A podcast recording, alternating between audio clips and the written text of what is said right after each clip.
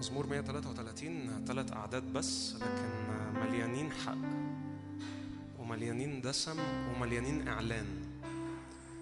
وعندي إيمان إنه لما الروح القدس يفهمنا الكلمة عينينا بتتفتح على بعد أعمق وإحنا بنعبد. حد فاهمني؟ يعني لما بتيجي تدخل محضر الرب بإعلان من الكلمة عينيك وعينيكي بتتفتح على بعد جديد وإنت بتعبد فبتبقى بتعبد وإنت مدرك. عارفين أصعب حاجة في الدنيا إنك تعبد وإنت إدراكك مش هنا خالص. فده مش ده اللي السماء عايزاه ومش ده الروح القدس طالبه. لكن الرب بيدور على كنيسة واقفة قدامه مش بس مدركة حضوره مدركة الوقفة اللي بيقفوها قد إيه مهمة وبتروح فين وبتأثر إزاي على أمم وشعوب. هللويا. تعالوا نقرأ مع بعض.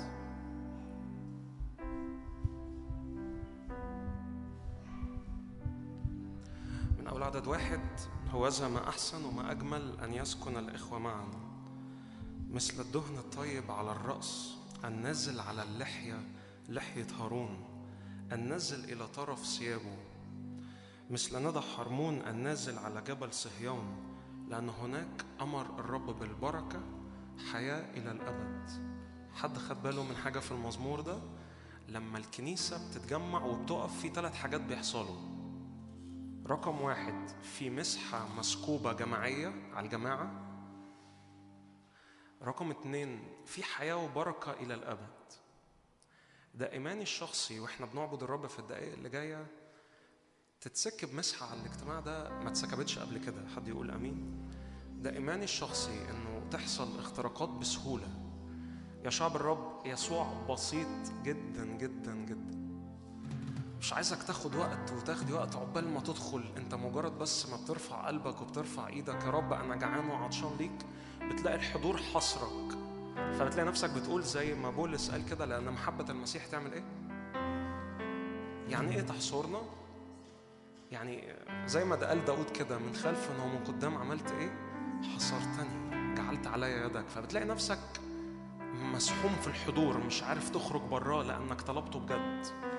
والأيام اللي إحنا فيها يسوع بيتجلى بسهولة قوي قوي قوي حد متفق معايا؟ يعني إيه بيتجلى؟ يعني بيعلن ذاته ليك وليكي بكل سهولة. فالسر في حاجة واحدة بس إن الجماعة مع بعض تتفق إنها طالبة الرب وإنه الكنيسة مع بعض تتفق إحنا يا رب جعانين وعطشانين ليك. هتلاقي الاختراقه بتحصل بسهولة مش محتاج تزق مش محتاج تعافر. يسوع مش بتاع زق يسوع بسيط. آمين؟ هللويا. في ثلاث مستويات من المسحة في العدد ده اللي إحنا قريناه. رقم واحد بيقول لك نازله على الرأس. حد خد باله؟ وبعدين نازله فين؟ إلى اللحية. وبعدين نازله فين؟ رقم ثلاثة إلى طرف الثياب. دول ثلاث مستويات من الحضور. فكل ما بتبقى سايب نفسك للرب قوي كل ما بتبقي سايبة نفسك للرب بتلاقي الحضور بيزداد عليك يتجلى فيك. حد عايز حضور الرب يملى كل كيانه؟ حد عايز حضور الرب كده يبقى واخد راحته فيك روح ونفس وجسد. الفكرة في الجوع والعطش بس. أمين؟ تعالوا نقف مع بعض كده في بداية الوقت. هللويا. غمض عينك كده واشجعك ارفع إيدك في بداية الوقت كده وقول يا رب أنا جعان وعطشان لمقابلات شخصية معاك. بابا السماوي انت هنا تقل حضورك علينا أكتر وأكتر وأكتر. حاصر الكل بروحك حاصر الكل بحبك. أسأل كده تتفتح العيون على كل ما هو في عالم الروح في اسم الرب يسوع. شكرا يا رب لأنه لما الإخوة بيختاروا يجوا يقفوا قدامك في حاجة حقيقية بتحصل. لأن هناك أمر الرب بالبركة. حياة إلى الأبد. شجعك كده وشجعك. ارفع إيدك كده وارفع إيدك في بداية الوقت. وقول له أنا هنا سايب نفسي ليك. مش جاي بعمل أي حاجة غير إن أنا بعطش وبجوع ليك. ولما تحاصرني بحبك وتحاصرني عايزك تحصرني أكتر وتجوعني أكتر وتشدني أكتر.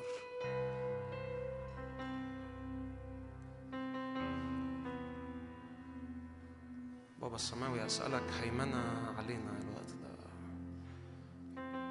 روح الله علمنا نعبد يسوع بالروح والحق لأنك طالب هؤلاء الساجدين بالروح والحق. فقول لك كده ردت كده وقول كده أنا بدخل إلى قدس أقداس الملك أنا بدخل إلى مكان راحتي أنا بدخل إلى مكان اللي فيه بتقابل فيه مع الرب شخصيا وجها إلى وجه. يا رب أشكرك لأنك النهاردة هتتقابل وجها إلى وجه مع ناس كتير قوي. نعم تتبدل أمور تتغير أحوال في محضر الرب تتجدد أذهان في محضر الرب في اسم الرب.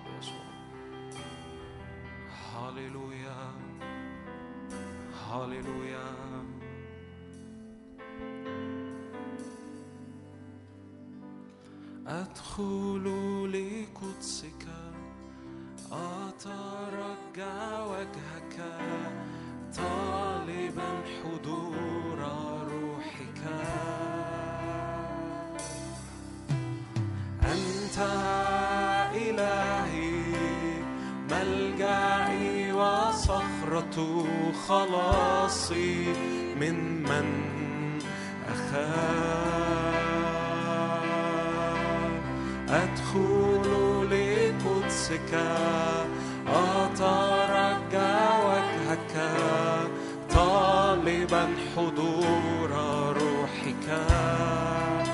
أنت إلهي.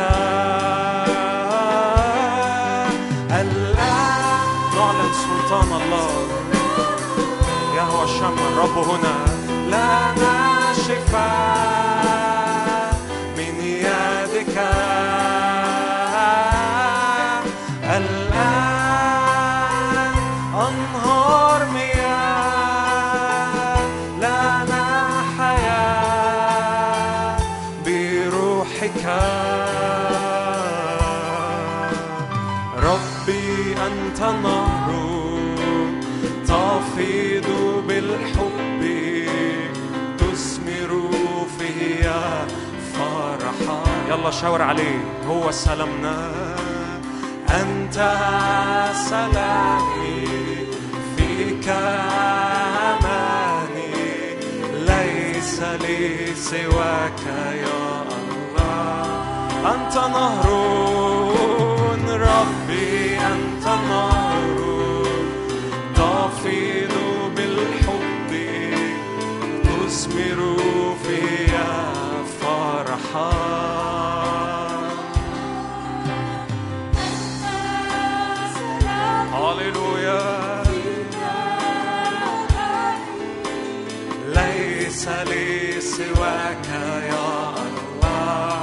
حصرنا أكتر فتعالى بروحك. أبصروا مجدك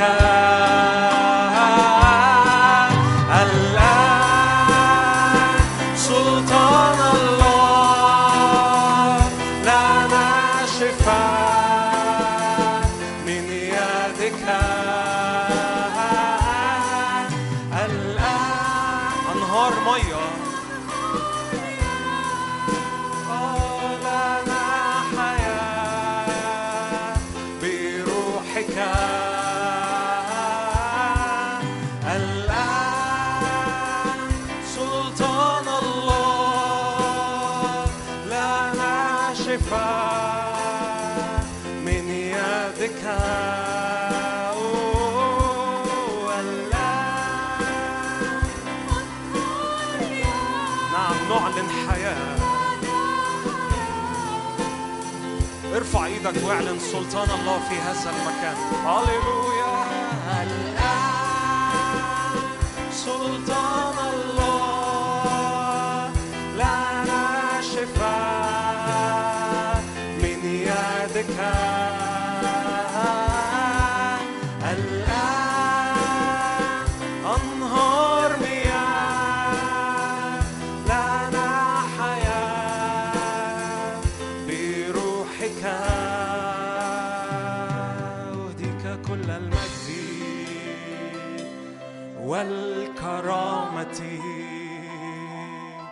أرفع يداي نحوك وأسبح اسمك.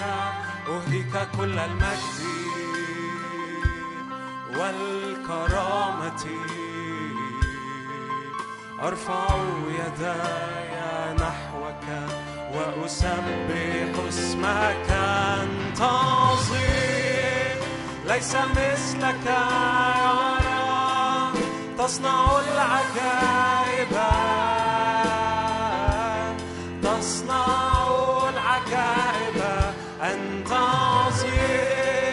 ليس مثلك يرى تستطيع كل شيء. تستطيع. يلا شاور عليه عظيم أنت عظيم. ليس مثلك يرى تصنع العجائب. تصنع أنت عظيم ليس مثلك يرى تستطيع كل شيء. تستطيع.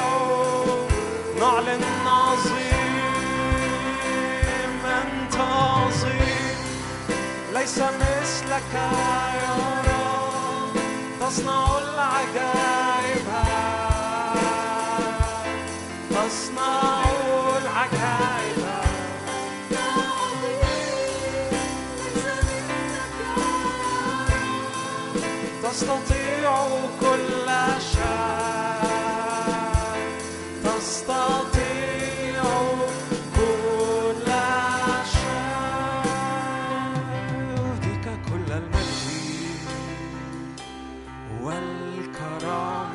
ايديكم نحو القدس.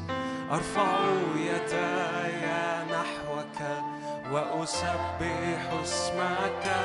اهديك كل المجد. مستحق مستحق أرفع يداي نحوك وأسبح اسمك. أنت عظيم. ليس لعظمته استقصاء.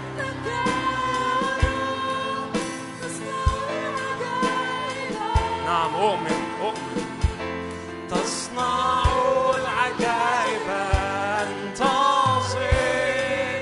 ليس مثلك يرى تستطيع كل شيء. تستطيع. هللويا أنت عظيم. ليس مثلك يرى تصنع العجائب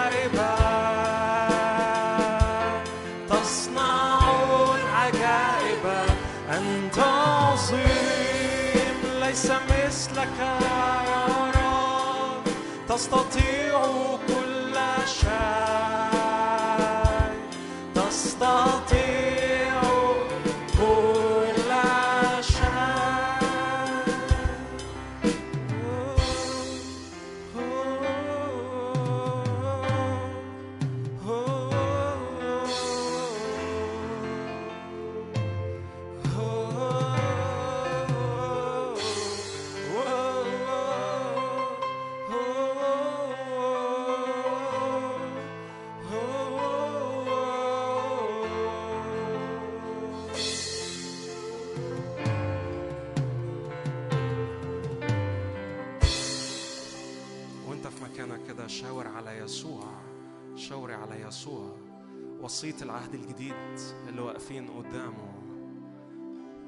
منه وبه وله كل الأشياء.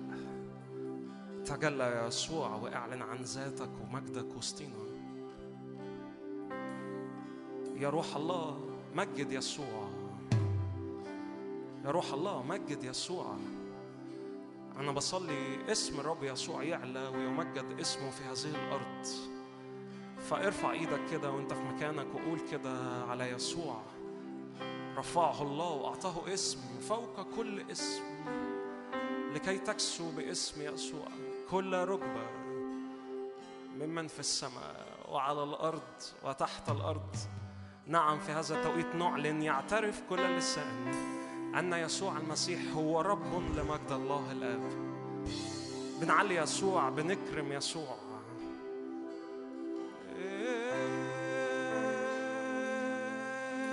يسوع. يسوع يسوع يسوع يسوع يسوع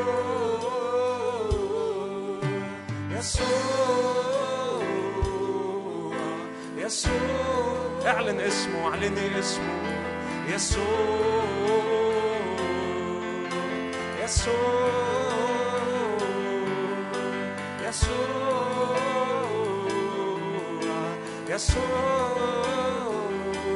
اكسبنا أكتر وأكتر أكتر وأكتر لنصير واحد معاك لنصير واحد معاك اكسبنا أكتر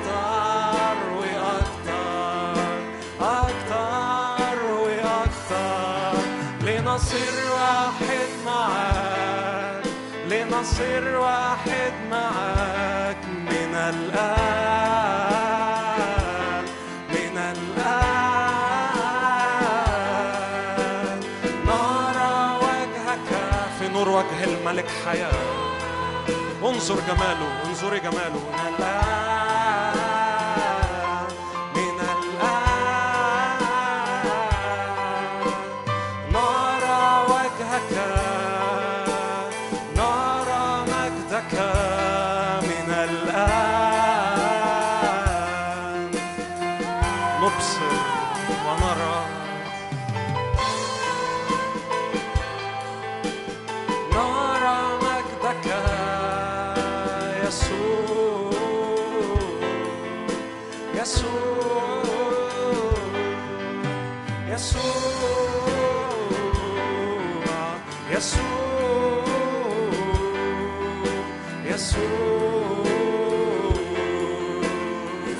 اسم الرب دهن مهراق لما بنعلن اسمه بتزداد اعلن اسمه كمان مرة. يسوع يسوع يسوع.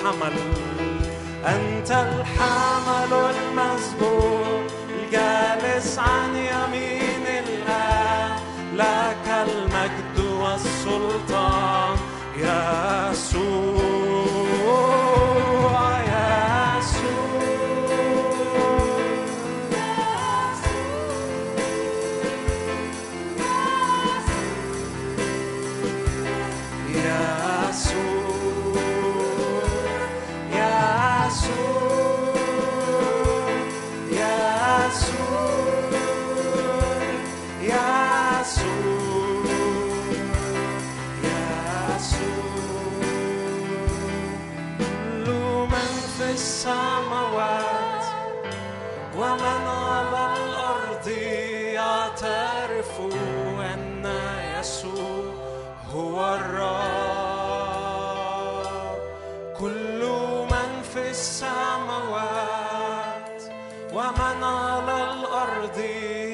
تعرف أن يسوع هو الرب.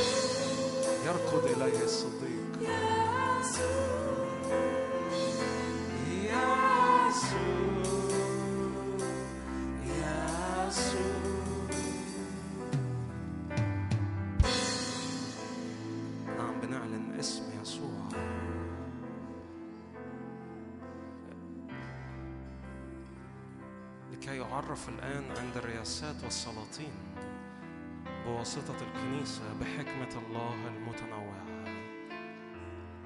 ارفع إيدك كده وأنت في مكانك كده. كل ملء الله بيأتي من خلال يسوع. استقبل استقبلي. في دهنة مسكوبة بسبب إعلان اسمه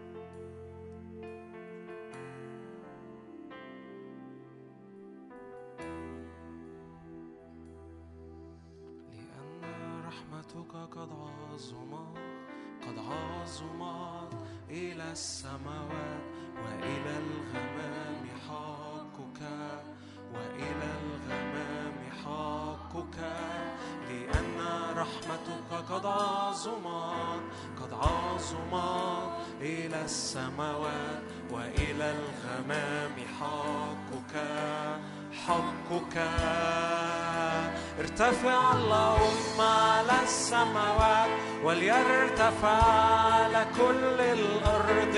مجدك مجدك. ارتفع اللهم على السماوات وليرتفع على كل الأرض. مجدك.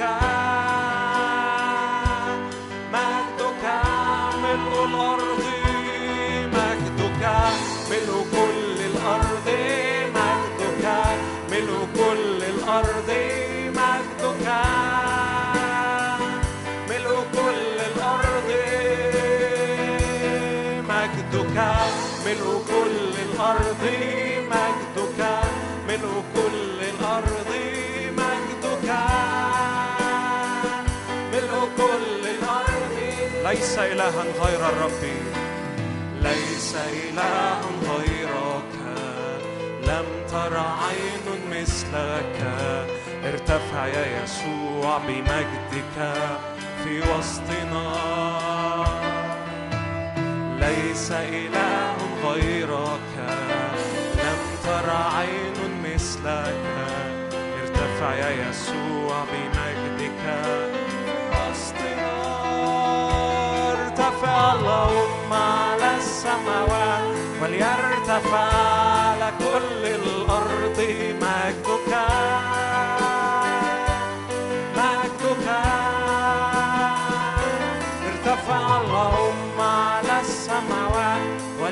على كل الأرض مجدك. مجدك. ارفع إيدك واعلن ملء الأرض مجدك. ملء كل الأرض مجدك. ملء كل الأرض مجدك.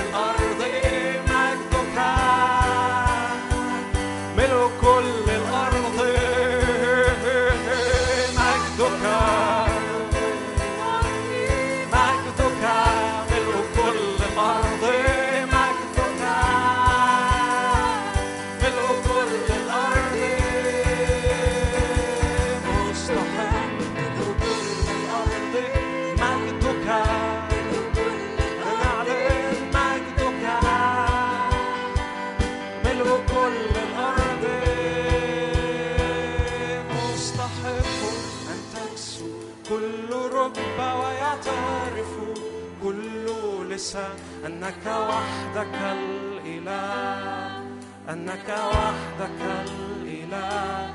مستحق أن تكسو كل ركبة ويعترف كل لسان.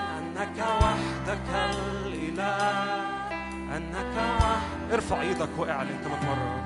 مستحق أن تكسو كل ركبة ويعترف كل لسان. أنك وحدك الإله أنك وحدك الإله. الرب وحدك أنت وليس غيرك. إياك نعبد لك وحدك نسجد. أنت الرب وحدك أنت وليس غيرك. إياك نعبد لك وحدك أنت الرب وحدك أنت الرب وحدك أنت وليس غيرك. إياك نعبد لك وحدك نسجد مستحق. ويعرف كل لسان أنك وحدك الإله أنك وحدك الإله مستحق.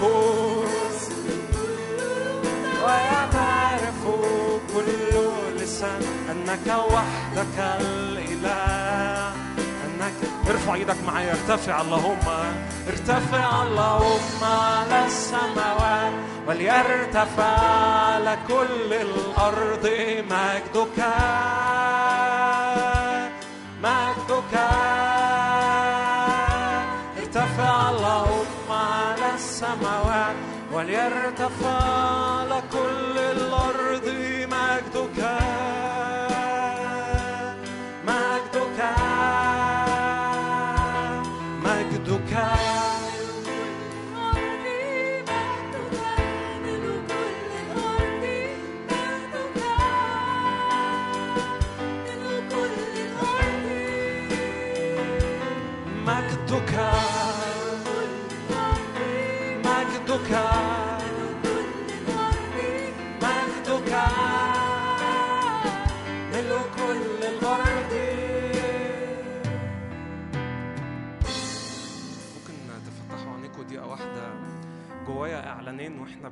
بنسبح ارتفع اللهم.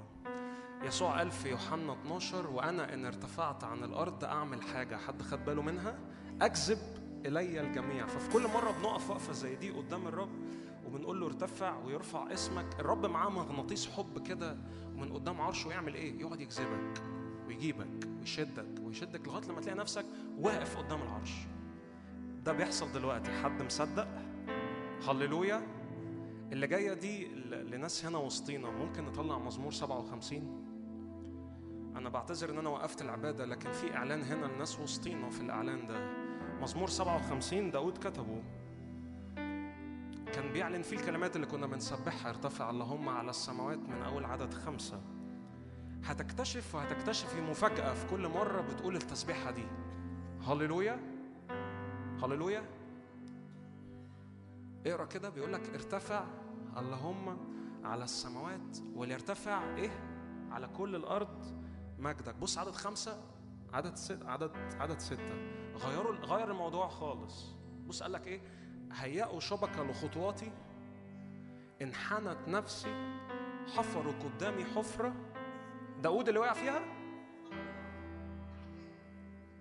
مين اللي وقع؟ علي صوتك علي صوتك. مين اللي وقع؟ سقطوا في وسطها. أؤمن إن كل مؤامرة من عدو الخير على ناس هنا موجودة بتفشل لوحدها وبتنتهي وبتحسن بسبب رفعة إيدك اللي بتقول فيها ارتفع اللهم على السماوات. ده إيماني الشخصي. فممكن أستأذنكم كده ما هستأذنكم معلش نقف تاني إحنا واقفين قدام الرب. لو أنت في أول إعلان إنه أجذب الي الجميع ارفع إيدك واعلن قول له يا رب أنا برفعك وترتفع فوق كل اسم. في ناس هنا وسطينا عليها مؤامرات ما بتخلصش بقى لها فترة ومش بتحسم أنا عايزك ترفع إيدك وتقول ارتفع اللهم على السماوات. هيئوا شبكة لخطواتي انحنت نفسي لكن هم اللي سقطوا في وسطها. ارفع إيدك واعلن كده كل آلة صورت ضدي لن تنجح. كل لسان يقوم علي في القضاء أحكم عليه. مهما كان حجم الضغوط مهما كان حجم التحديات مهما كان حجم الشكاية اللي مرفوع عليك وعليكي بتخلص وبتحسم الآن في محضر الرب. اعلن بس يا رب أنت مرتفع. يا رب أنت فوق كل شكاية أنت فوق كل دوشة أنت فوق كل ضغوط.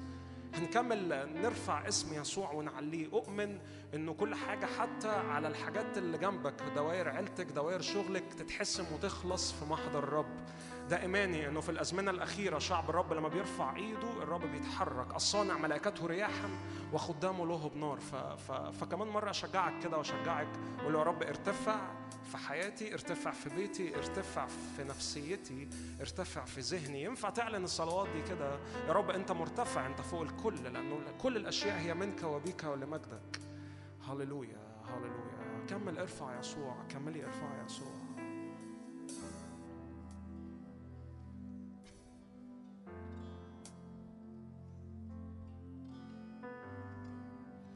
يسوع المسيح بموته فتح لنا الطريق. من الأرض إلى السماء فقد صار برنا به ندخل إلى الاقداس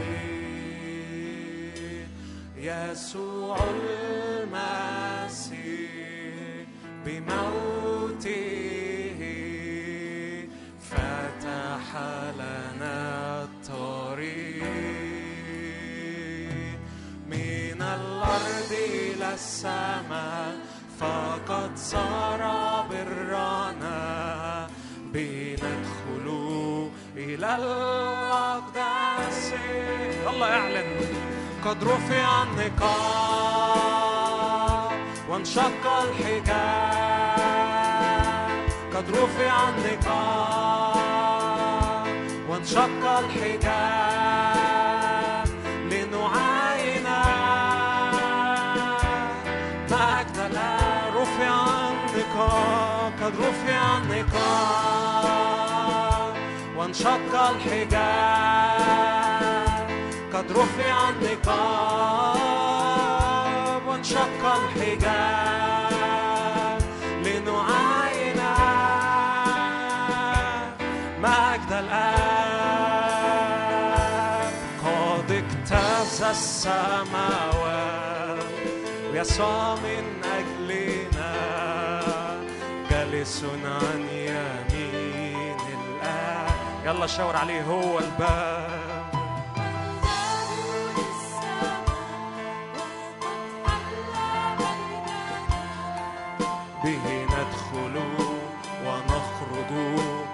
وجود الآب قد اجتاز السماوات. يسوع من أجلنا جالس عن يمين الآب. وهو الباب للسماء.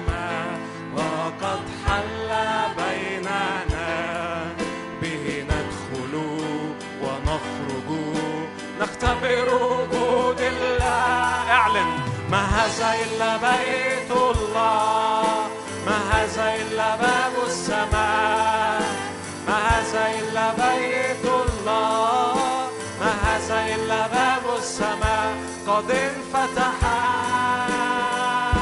لنا السماوات ما هذا؟ ما هذا إلا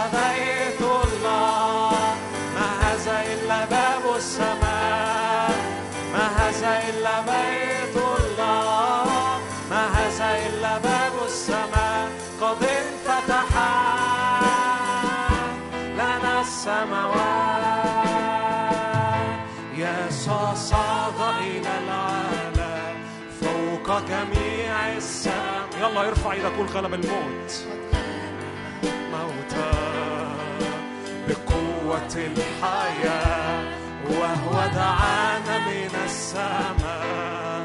إلى كل ملء الله قد سب سبيا من الأسر وأعطى عطايا.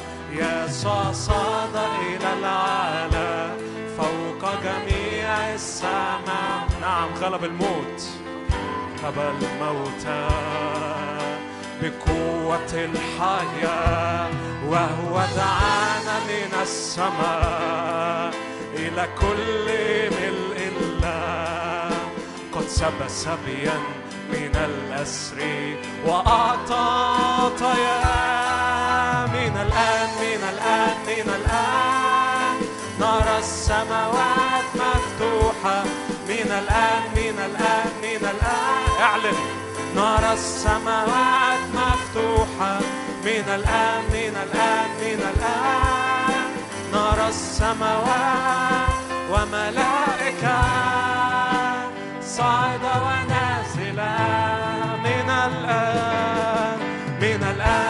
الآن من الآن من الآن نرى السماوات مفتوحة.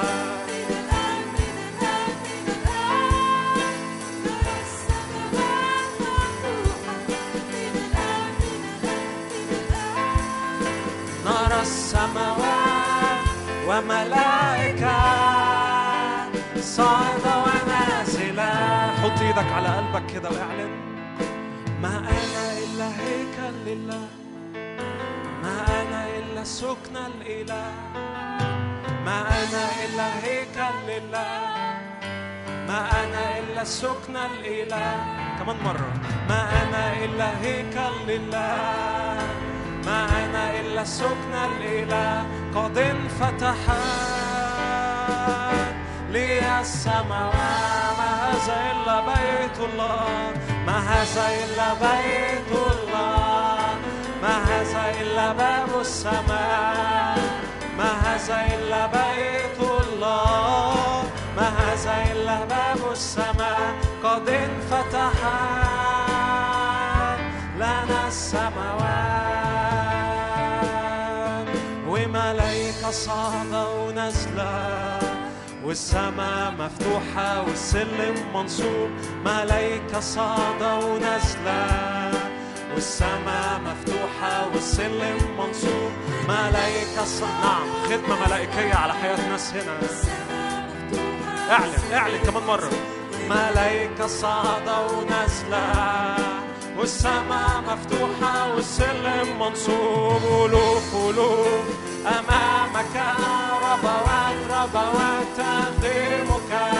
ألوف ألوف أمامك ربوات ألوف ألوف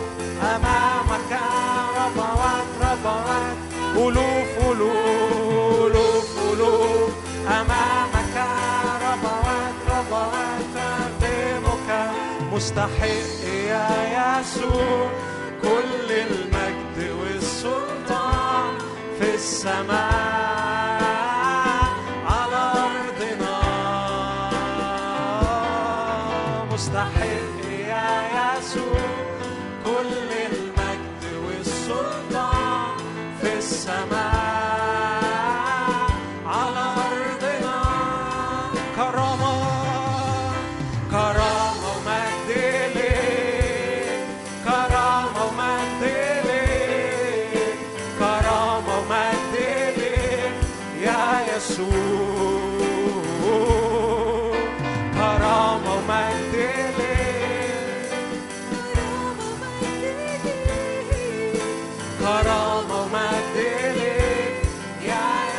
حقا قم من الأموات. اعلن.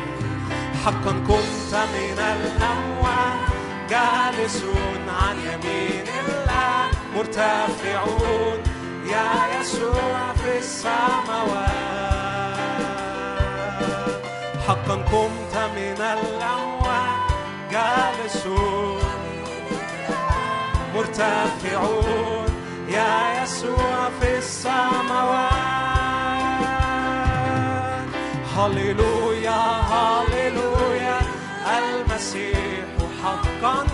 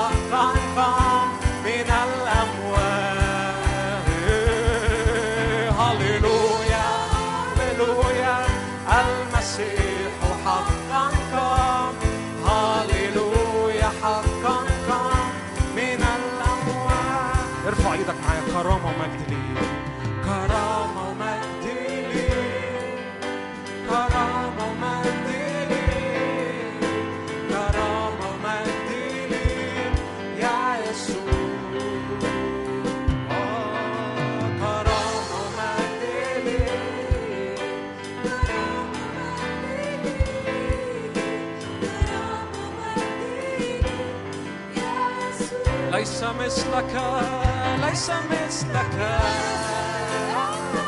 ليس مثلك ليس مثلك ليس مثلك نعم ليس مثل الله يا يشرون يركب السماء في معونتنا والغمام في عظمته. ليس مثلك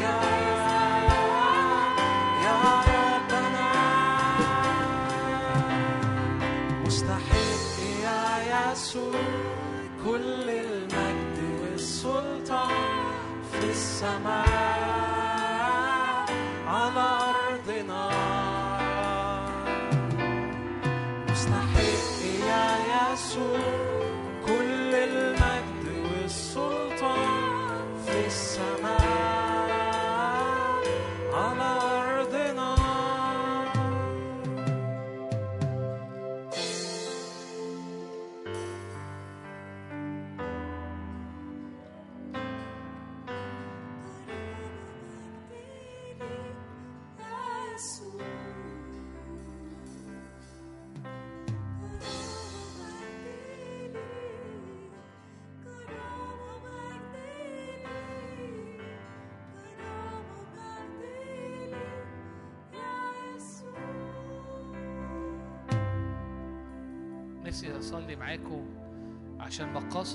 حياه كل حد فينا كل حد موجود هنا يا رب يا رب ليك مقاصد يا رب ليك افكار يا رب على حياة يا رب كل حد فينا يا رب آه، ليك افكارك وليك مقاصدك يا رب على حياتنا يا رب إحنا بنشكرك يا رب لأنه يا رب افكارك علينا افكار سلامه يا رب وقصدك لينا يا رب لكل واحد فينا يا رب إنه في كل حاجة في كل دايرة يا رب نتقابل مع يا رب إرادتك المرضية والصالحة والكاملة. بنشكرك لأنه كل حد فينا عملك masterpiece مخلوق في المسيح يسوع لأعمال صالحة قد سبق الله وأعدها لكي يسلك فيها. يا رب نشكرك لأنه يا رب آه، مولودين ليس يا رب بمشيئه جسد ولا بمشيئه رجل. بل مولودين من الله يا رب. ولنا من الله مقاصد وخطة. يا رب نصلي عشان حياة كل شخص هنا. صلي عشان حياتك صلي عشان حياتك. قول يا رب اديني يا رب أسلك واتحرك وأعيش يا رب في مقاصدك لحياتي. يا رب اديني أتحرك في القصد والدعوة يا رب اللي على حياتي لأنه في دعوة وفي قصد لحياتي. اديني كل يوم أسلك في الدعوة كل يوم أسلك في القصد. يا رب نصلي يا رب عشان قصدك يا رب آه، ودعوتك لهذه للمدينة دي الإسكندرية. يا رب آه، عشان تكون مدينة بحسب قلبك. يا رب وعشان تحقق فيها مقاصدك هللويا. يا رب نصلي يا رب إنه حياتنا يا رب مش مش حياة عادية. يا رب آه، زي ما كان نوح فارق زي ما كان أخنوخ شخصية فارقة زي ما كان داود شخصية فارقة زي ما كان يوسف شخصية فارقة زي ما كان دانيال شخصية فارقة زي ما كان إيليا شخصية فارقة الصغير في ملكوتي أو الأصغر في ملكوت السماوات فارق. فارق لما بيعيش بحسب المقاصد وبحسب الدعوة. يا رب نشكرك لأنه قال له كده لسنا نعلم ما نفعل ولكن نحوك أعيننا. ادي عينينا. يا رب تتثبت عليك. يا رب طول اليوم طول اليوم يا رب في أقل التفاصيل. إدينا يا رب قلوبنا عليك. إدينا نلهج يا رب في كلمتك. إدينا نسكن ونقعد يا رب في محضرك. نحوك أعيننا. لأنه في الوقت ده يا رب نوع الحياة دي ال lifestyle ده طريقة العيشة دي تخلينا بسهولة نتواجد في محضرك بسهولة. نستقبل منك وبسهولة نكون بحسب قصدك وبحسب يا رب أفكارك. هللويا. ما أع... يا رب ما أعظم أعمالك يا رب. عظيمة أعمالك يا رب. فوق عظيمة حكمتك فوقي ارتفعت لا أستطيعها. هللويا. ما أبعد أفكارك وطرقك عن أفكارنا وعن طرقنا. هللويا. إله أمانة لا جور فيك. إله أمانة لحياتي إله أمانة لا جور فيك. يا رب اديني أسلك وأحيا وأتحرك في مقصدك هللويا. لأنه فيك كل النعم فيك النعم وفيك الأمين. هللويا. هللويا.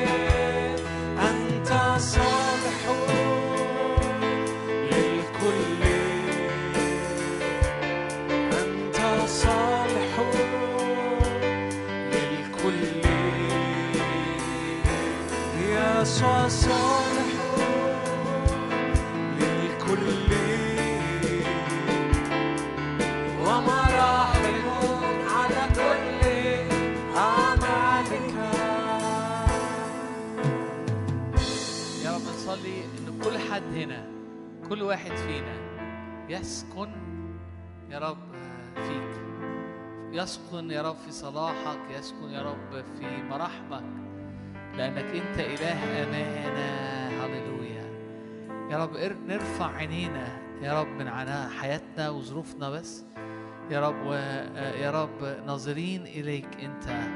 يا رب مثبتين عينينا على يسوع. املى عيني يا رب. في ترنيمه بتقول كده هو امنع عيني بجمال يسوع. يا رب ثبت عينينا عليك على جمالك على صلاحك. يا رب آه، نرى يا رب سمع الأذن سمعت عنك. والآن رأتك عيدينا نراك ونرى جمالك وندوق. يا رب حلاوتك. يا رب ونستمتع يا رب بمقاصدك لحياتنا. هللويا. بمقاصدك لحياتنا.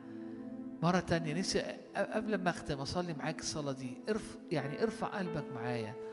قول له يا رب لأسكن يا رب فيك. يا رب لأسكن يا رب. كل حواسي تسكن فيك. كل عينيا كل حتة فيا يا رب تستقر يا رب فيك. تشبع بيك يا رب. هللويا.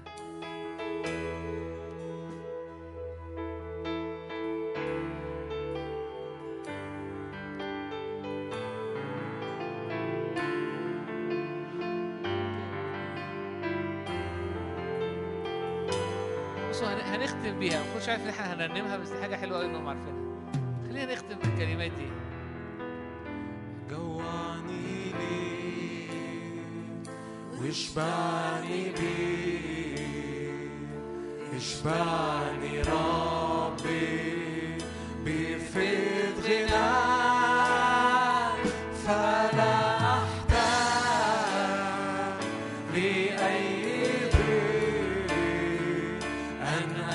أبحث عن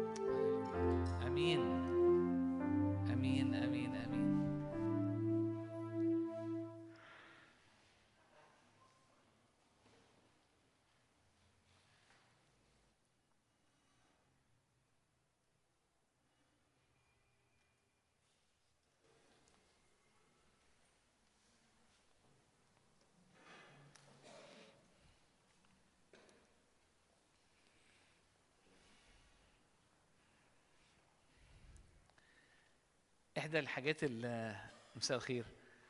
آه، أنا في رأيي إنه إحدى الحاجات المهمة قوي قوي قوي مش بس في الحياة الروحية لكن في الحياة العملية والشخصيه و... إنه الشخص يكون متسع إنه يكون منفتح. يعني ال- الحاجة المنفتحة بتك... دايما واسعة. بتاخد من حتت مختلفة وبتكبر وبت... وتتبني في دوائر مختلفة. يعني صعب جدا يكون واحد مثلا آه، حد موسيقار ما بيسمعش غير نوع موسيقى واحد من عازف واحد آه، نمط واحد. هيبقى دايما محدود في طريقته وفي, وفي, وفي, وفي تلحينه وفي ما ينفعش آه، كاتب مثلا مؤلف أو كاتب يكون ما قراش غير نوع واحد من من الروايات أو من الأدب لبلد واحدة لجنسية واحدة أو لكاتب واحد كل ما كل ما يزيد انفتاحه على ال ال ال ال على مثلا لو على على حاجات مختلفة كل ما بيوسع وبيعرف إزاي يفلتر وبيعرف إزاي ياخد وبيعرف إزاي يبني. ف عشان كده ده ليه بقول ده؟ لأنه حلو قوي إن إحنا خصوصا في الحياة الروحية ما نستريحش على جنب واحد. يعني إيه ما نستريحش على جنب واحد؟ يعني أنا بقرأ لحد واحد بس أو بقرأ نوع كتب واحد أو ما بقرأش خالص. في مكتبة ورا مليانة كتاب مختلفين خالص عن بعض. إن أنا أقرأ مش بس لواحد بس كاتب واحد لكن أنا أقرأ مواضيع مختلفة. كتب مختلفة دراسي تأملي آم، سيرة ذاتية لناس آه، كل ما كل ما بقرأ ده كل ما كل ما بوسع. حتى أنا مش مش واخد يعني وأنا مش ملاحظ. الوعظات السمع. لو بسمع لنوع واحد بس أنا بحب فلان بحب طريقة فلان أو ل... سواء مواعظ واحد أو تراك واحد بس نوع وعاظ كده شبه بعض في آه بكون بكون محدود. محتاج إني أسمع ناس مختلفة. وفي الأول ما بعرفش أستطعم غير حاجة واحدة. لأنه لو أنا محدود بعرف أستطعم نوع واحد بس. لكن لو قعدت شوية بشوية تلاقي نفسك بتعرف تستطعم حاجات مختلفة. زي اللغات. كأنك ما بتعرفش غير لغة واحدة. فبتستطعمها إنك فاهمها. أو إنك اتعودت عليها. لما بتقعد في ثقافات تانية بتتعلم لغات تانية بتستمتع وتستطعم أو تفهم اللي بيتقال ويثقلك. فأنا مهتم قوي إنه يبقى فيه نبقى من الأمانة إنه يبقى دايما ناس في على الم... هنا على الأقل نبتدي يبقى في على المنبر. ناس مختلفة بتتكلم مش بس جون وأنا. آه طبعا وجودنا في اسكندرية حاجة حلوة قوي. هن- هنقدر نجيب هيبقى في ناس من اسكندرية بتتكلم. وفي نفس الوقت بنحاول نجيب. يعني يبقى معانا ناس من من القاهرة بس شوية البعد وإن إحنا في وسط الأسبوع عامل تحدي.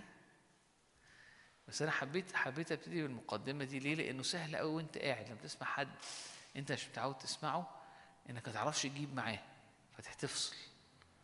بيحتاج مجهود إنك تقعد تسمع. أنا بكلمك عن نفسي. بيحتاج مجهود ان أقرأ نوع كتب مختلف. بس أقعد وراه. بيحتاج مني قرار إن أنا أقعد أسمع حد مختلف. ده بيعمل اتساع. خصوصا في خصوصا في الأجواء المسيحية الروحية الاتساع قليل. الناس اللي بتقابلها الناس بتستريح لحاجة معينة لنوع معين لنمط معين وبتحس إن أنا مرتاح هنا وبت- وبتركن هنا. ولكن أنت ممكن تعمل كده حتى في الكتاب المقدس. ممكن تلاقي نفسك تستمتع بأشعية. فتقرأ أشعية وتقرأ أشعية وتقرأ أشعية وتقرأ أشعية. لكن عمرك مثلا ما ما, ما تقعد تلاقي نفسك عمرك ما قعدت مثلا قريت أو يا دوبك آه، تثنية مثلا أو سفر العدد. تحب قوي تقرأ البولس لكن رسائل يوحنا ما مش مش بت. لازم تبقى من الاتساع إن يبقى بولس بالنسبة لك رسائله رسائل يوحنا الأناجيل اشعياء أرمية تكوين خروج عدد أخبار تاني. تبتدي تبني نفسك إن أنت تبقى كل الحاجات دي تبقى قعدت قدامها قوي لدرجة إنهم كلهم بالنسبة لك تستطعمهم وتعرفهم ويبقوا غاليين على قلبك. في نوع ناس حد يعرف حد بياكل نوع فاكهة واحد؟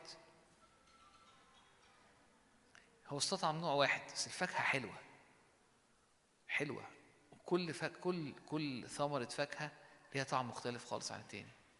حلو إن إحنا نوسع فنقدر نستمتع بكل نوع ونقدر نتغذى بكل نوع عشان يصير إنسان الله كاملا متاهبا لكل عمل صالح في المسيح.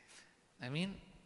أنا النهارده آه، آه، يعني مبسوط جدا إن أنا هقعد و معايا الكتاب جايبه معايا قلم وورقة. لأن آه، عشان أسمع النهارده ديفيد هو بيشارك معانا النهارده. آه، ف اتفضل ديفيد. بس اولا ما يعني اولا هو من اسكندرية. طبعا إحنا ناس كتير عارفة ديفيد فأول حاجة هو من اسكندرية. فدي حاجة حلوة قوي هو في بيته. إحنا اللي جايين عليكم والحاجة التانية آه، كم حد قرأ الكتاب بتاعه؟ في كتاب حد قراه؟ عجبك كتاب؟ حلو حلو؟ كتاب حلو قوي. ممكن ممكن بس الكتاب عشان نعلن عنه بالمرة؟ عشان الناس اللي ما شفتوش بس إزاي كده. آه، يعني كويس.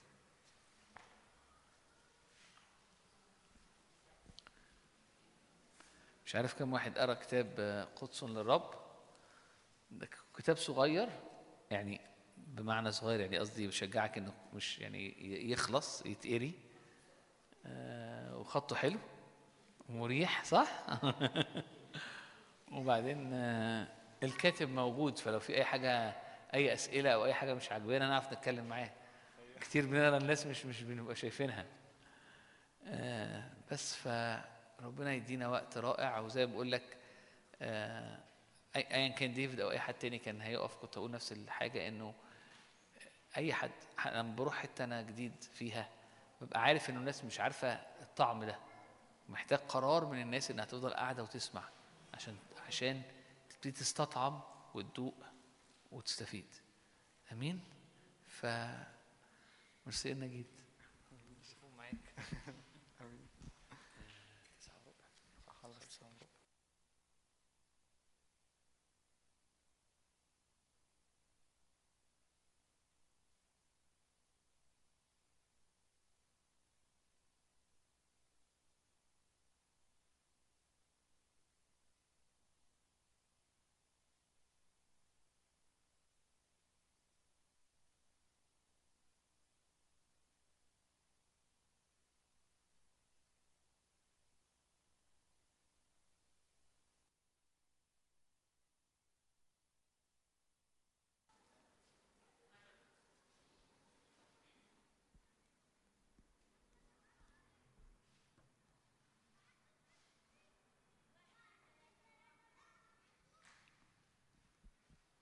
مساء الخير.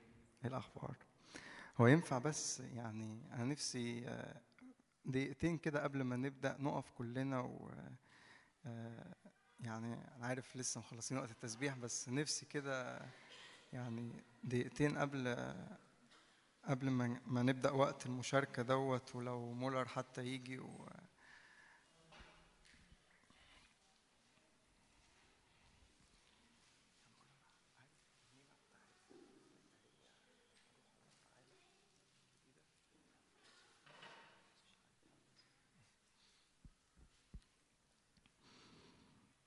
يا رب بنحبك بنحب حضورك جدا. من منا يسكن في نار أكلة من منا يسكن في وقائد أبدية.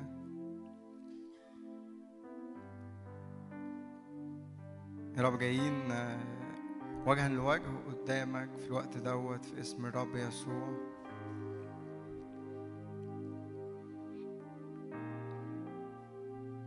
جايين وبنعلن آه، إن كل الاجتماع يبقى تحت المسحة في اسم الرب يسوع. تعالوا نرفع إيدينا كلنا كده في اسم الرب يسوع. كل الاجتماع كل حد هنا في اسم الرب يسوع. نتغطى تحت المسحة في اسم الرب يسوع. يا رب تغمر الاجتماع في اسم الرب يسوع. روح الرب هلم يا ريح هلم يا روح من الرياح الأربع في اسم الرب يسوع. هلم يا روح من الرياح الأربع. يا رب تعالى يا رب هب على كل حد هنا في اسم الرب يسوع.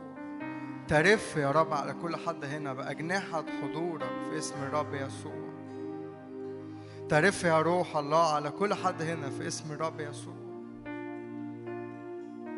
بنتنقع في حضورك بنتنقع تحت المسحة في اسم الرب يسوع. وإحنا في وقت المشاركة اللي جاي ده كل كل هدفنا مش عايزين نع- نعرف أي حاجة لكن عايزين نتقابل معاك في اسم الرب يسوع. مش عايزين نسمع مع- معلومات أو لا إحنا عايزين يا رب حضورك يا رب يغطينا في اسم الرب يسوع.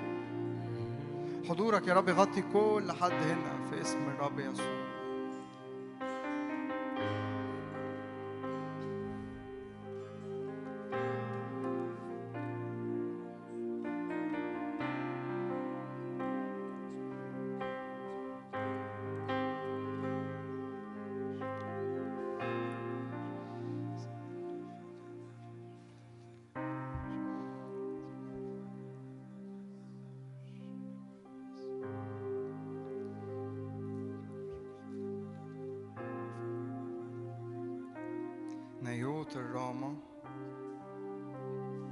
يا رب مختلف من حضورك. شاول جاي يقتل داوود ويدور على داوود بس دخل في مجال مختلف من حضور الرب. يا رب مجال مختلف من حضورك يغطينا في اسم الرب يسوع. شاول ماشي كده. رايح يضطهد. اللي بيتبعوا يسوع بس في موجة من حضور الرب خبطت فيه. نور أبرك حول. يا رب مجال مختلف يا رب من حضورك يغطينا في اسم الرب يسوع. الرب قال له صعب عليك أن ترفس مناخس مش ما نعرفش نرفس في الحضور دوت لكن حضورك يغطينا بالكامل بالكامل بالكامل. فما فيش أي حد فينا يبان. زي الهيكل كده اللي مليان حجارة بس من من جوه ما فيش حجر باين لكن كله متغطي بالذهب في اسم الرب يسوع. غطي يا رب كل حد هنا بالذهب. مفيش ولا أي حجر يبان لكن حضورك هو اللي يبان في المشهد في اسم الرب يسوع. المسحة هي اللي تغطي يا رب في اسم الرب يسوع.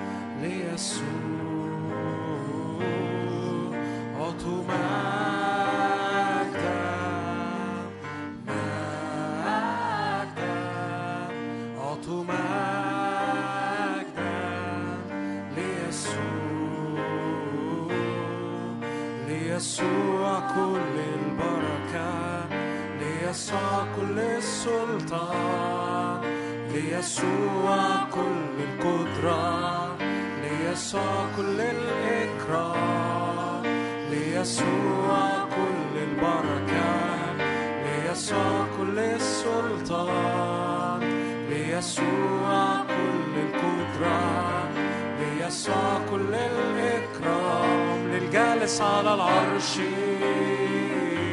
وللحمام البركة والكرامة للجالس على العرش وللحمام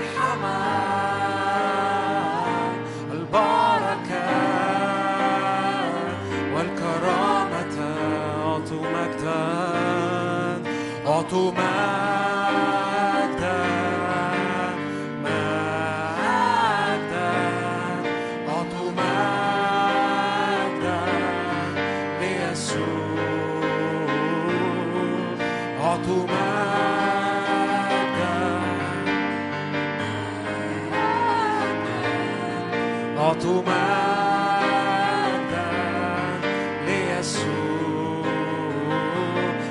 للجالس على العرش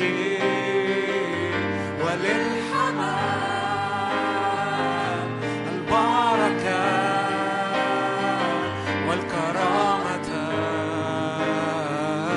للجالس على العرش وللحمام البركة والكرامة ليسوع ليسوع كل القدرة ليسوع كل السلطان ليسوع كل البركة ليسوع كل الإكرام ليسوع كل القدرة ليسوع كل السلطان ليسوع كل البركة للجالس على العرش.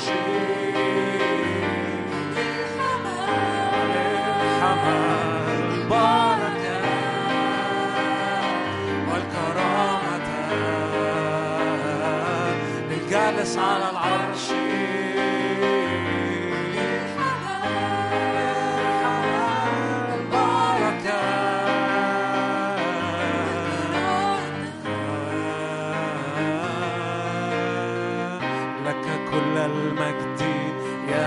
يسوع لك كل القدرة والسلطان لك كل الأرض والسماء لك نعطي مجدا لك كل المجد. يا يسوع لك كل القدرة والسلطان لك كل الأرض والسماء لك نعطي مجدا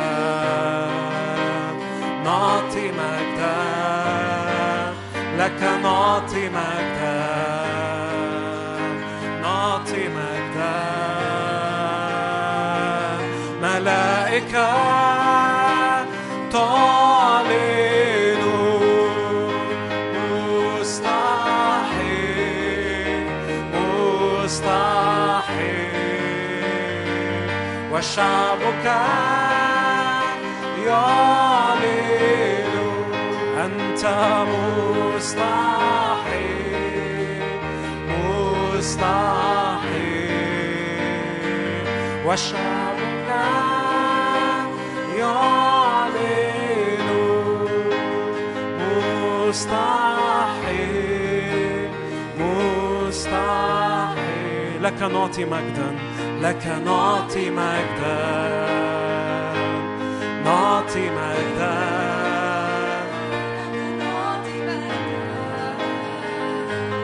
نعطي مجدا لك نعطي مجدا. نعطي مجدا كرامة لك نعطي مجدا. نعطي مجدا.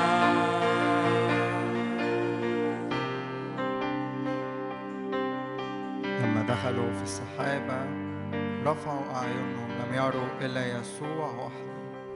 ارفع إيدك كده في اسم رب يسوع اعلن كلنا نبقى تحت السحابة. لا ندخل في السحابة في اسم رب يسوع. جميعهم كانوا تحت السحابة في اسم رب يسوع. ما نقفش نتفرج على النار من بعيد لكن ندخل جوه النار في اسم الرب يسوع. يا روح الله تعالى غطي يا رب الاجتماع في اسم الرب يسوع. يا رب صدق يا رب أمور تبدأ تبدأ أمور يا رب في الاجتماع دوت وتزرع حاجات يا رب وتودع حاجات جوه ناس هنا في اسم الرب يسوع أمور بدايات جديدة في اسم الرب يسوع. يا رب أؤمن حركة الروح علينا في اسم الرب يسوع. بنحبك يا روح الله. تعالى غطي غطي الاجتماع غطي كل حد فينا في اسم الرب يسوع. جايين بنستقبل وفاتحين كل الاواني بتاعتنا إنه نستقبل يا روح الله كل اللي في قلبك. نستقبل لمساتك نستقبل نيرانك في اسم الرب يسوع. ليك كل المجد. آمين. آمين.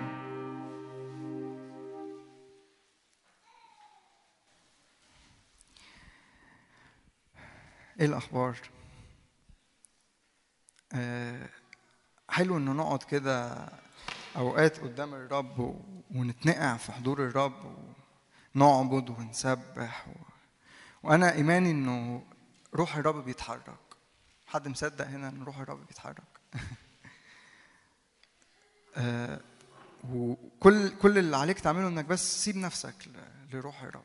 قول يا رب أنا متاح. تعالى تعالى إملى تعالى بنيرانك تعالى بحضورك. الرب عمال عمال شغال. الروح القدس عمال كأنه محاوط.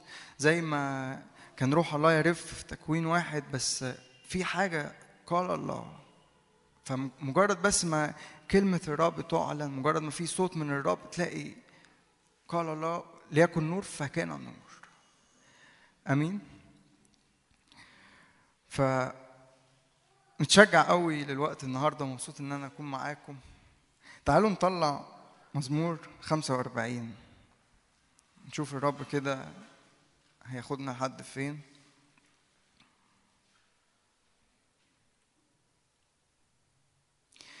بس الرب مهتم قوي قوي قوي بقلب كل حد هنا. أكتر حاجة تهم الرب هي قلبي. الرب ما ما بيهتمش بأي حاجة غير بقلبي يعني. أغلى حاجة كده والرب يشوفها ويستغلاها ويبص عليا ويتعامل معايا يتعامل معايا يشوف قلبي. يعني قال لصمويل كده وهو رايح يمسح داوود قال له الإنسان بينظر للعينين بس بس الرب بينظر إيه؟ للقلب. الرب بيستغلى قلبك جدا. الرب بيستغلى إنه قلبك يبقى ملتصق بيه قلبك يبقى طول الوقت بيحب الرب عطشان للرب. الرب مش بيفرق معاه أي حاجة تاني غير غير قلبك بس. يعني ممكن تبقى في اجتماع زي كده وواقف بتعبد وبتسبح و... وعامل دوشة و... بس بس ممكن حد تاني كده تلاقيه قاعد ما بيقولش حاجة بس بس قلبه ملتصق بالرب. فالرب يستغلى قلبك. هو يعني هو كل يعني كل القصة هي قلبك. عارفين ال- المرأة اللي جت قدمت الفلسين الرب ما اهتمش بقى وما بصش لل... للناس بقى اللي عمالة تقدم حاجات كتير وتدي يعني بيدوا حاجات بقى غالية وحاجات كتيرة بس الرب شاف واحدة شاف القلب بتاعها. إنه ادت حاجة بسيطة جدا بالنسبة للناس يعني محدش ممكن يبص لها محدش يجي في دماغه ده بس بس الرب بيستغلى قوي القلب. آمين؟ مزمور 45 وفي ال- في العنوان بتاع المزمور كده لإمام المغنين على السوسن لبني كورح قصيدة ترنيمة محبة. بحب العنوان ده قوي يعني. وبنو بنو كورح دول يعني حد عارف كورح؟ يعني كورح ده الأرض بقى اتشقت وبلعته بس يقول أما بنو كورح فلم يموتوا. يعني بنو كورح دول ما هلكوش مع باقي ال- العيلة أو باقي المؤامرة اللي حصلت ديت بس. وخارج بقى منهم تلاقي فيه ترانيم وتسبيح خارج ومزامير فالمزمور ده من المزامير ديت ترنيمة محبة. والرب يستغلى قوي يعني مزمور زي ده غالي قوي عند الرب. داود يعني إمام المغنين ده داود وهو بيرنم المزمور ده بي يعني في حاجة غالية قوي. الرب يبص كده يقول فضى قلبي بكلام صالح. في حاجة خارجة من قلبي للرب. قلبك مش يعني لما بشارك عن القلب مش اللي هو حاجة كده وخلاص لا قلبك ده عند الرب غالي قوي. الرب يستغلى قلبك جدا. الرب لما يجي يتعامل معاك بيتعامل مع قلبك. والرب مش بيهمه يعني داوود لما لما لما جيت مسح الرب شافه إن هو ملك من قبل ما يبقى ملك. لأنه الرب شايف قلب داوود. فقال لصمويل روح هتلاقي في ملك في بيت يسى داوود لسه ما كانش ملك. بس الرب شايف ال- القلب العجينة بتاعت داوود من جوه في هنا حاجة في ملك هنا في الحتة دي. ف غالي قوي كل كل ترنيمات محبة تخرج من قلبك للرب وإنه قلبك يبقى عطشان بس للرب. قلوبنا مع الوقت كده ممكن تتعلق بأي حاجة تاني بس بس يعني حتى وإحنا في في, في الاجتماعات وماشيين في, في الزحمة كده بس ممكن قلبك ما, يبقاش باصص على الرب. ممكن يبقى قلبك في أوقات كتير قلبنا بيبقى باصص على وعود الرب حتى وما يبقاش باصص على الرب نفسه. فممكن أبقى يعني عارفين موسى بحب قوي موسى. موسى أدرك إنه من غير حضور الرب مفيش أي حاجة تاني. يعني الرب كده تقرا في خروج 33 الرب جه قال لموسى أنا مش هخرج معاكم بس أنا هبعت ملاك والملاك ده هيسير قدامك والملاك ده هيدخلك الأرض. بس لو لو قرينا القصة كده من بعيد لو كان ده حصل فعلا كان كنا هنقول إيه؟ هنقول الرب صالح الرب وعدهم إن هو يدخلهم الأرض وبعت ملاك إن هو يدخلهم ونقف بقى هللويا ونفرح و- والرب حقق وعوده وتمم وعوده وهو صادق وأمين ونقعد بقى نفرح ونسبح الرب ليه؟ لأن وعد إن هو يدخلهم الأرض ودخلهم الأرض فعلا. وكان ده هيبقى السيناريو اللي حاصل يعني كان هيبقى الرب أمين الرب وعدهم وقال لموسى أنا هبقى امين في وعدي يعني الرب ما يقدرش ينقذ نفسه ما يقدرش يغير كلامه. فقال له بس أنا مش هخرج أنا هبعت ملاك والملاك ده هيدخلك. بس موسى بقى قلبه في حتة تاني خالص. موسى مش فارق معاه وعد الرب يحصل ولا لأ قد الرب نفسه. موسى مش عايز السيناريو اللي فيه آه، آه، حياتي مليانة بقى استجابات ووعود متحققة وكل حاجة ماشية تمام. لأ موسى قلبه في حتة إنه قلبي متعلق بالرب بس. الرب إن لم يصعد إن لم تصعد قال له لو أنت ما طلعتش أنا مش هتحرك. لأنه بمسيرك معنا إيه؟ نمتاز من غير حضور الرب من غير إنه الرب قلبي يبقى متعلق بحضور الرب أي حاجة تاني ملهاش معنى.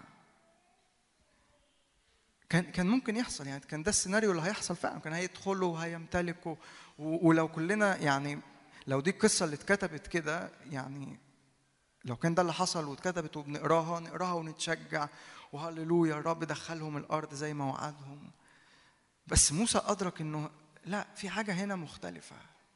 لو لو الرب ما طلعش قدامي مش فارق معايا الوعد يحصل ولا لأ. عشان كده الرب الرب استغلى قلب موسى قال له وجهي يسير فأريحك.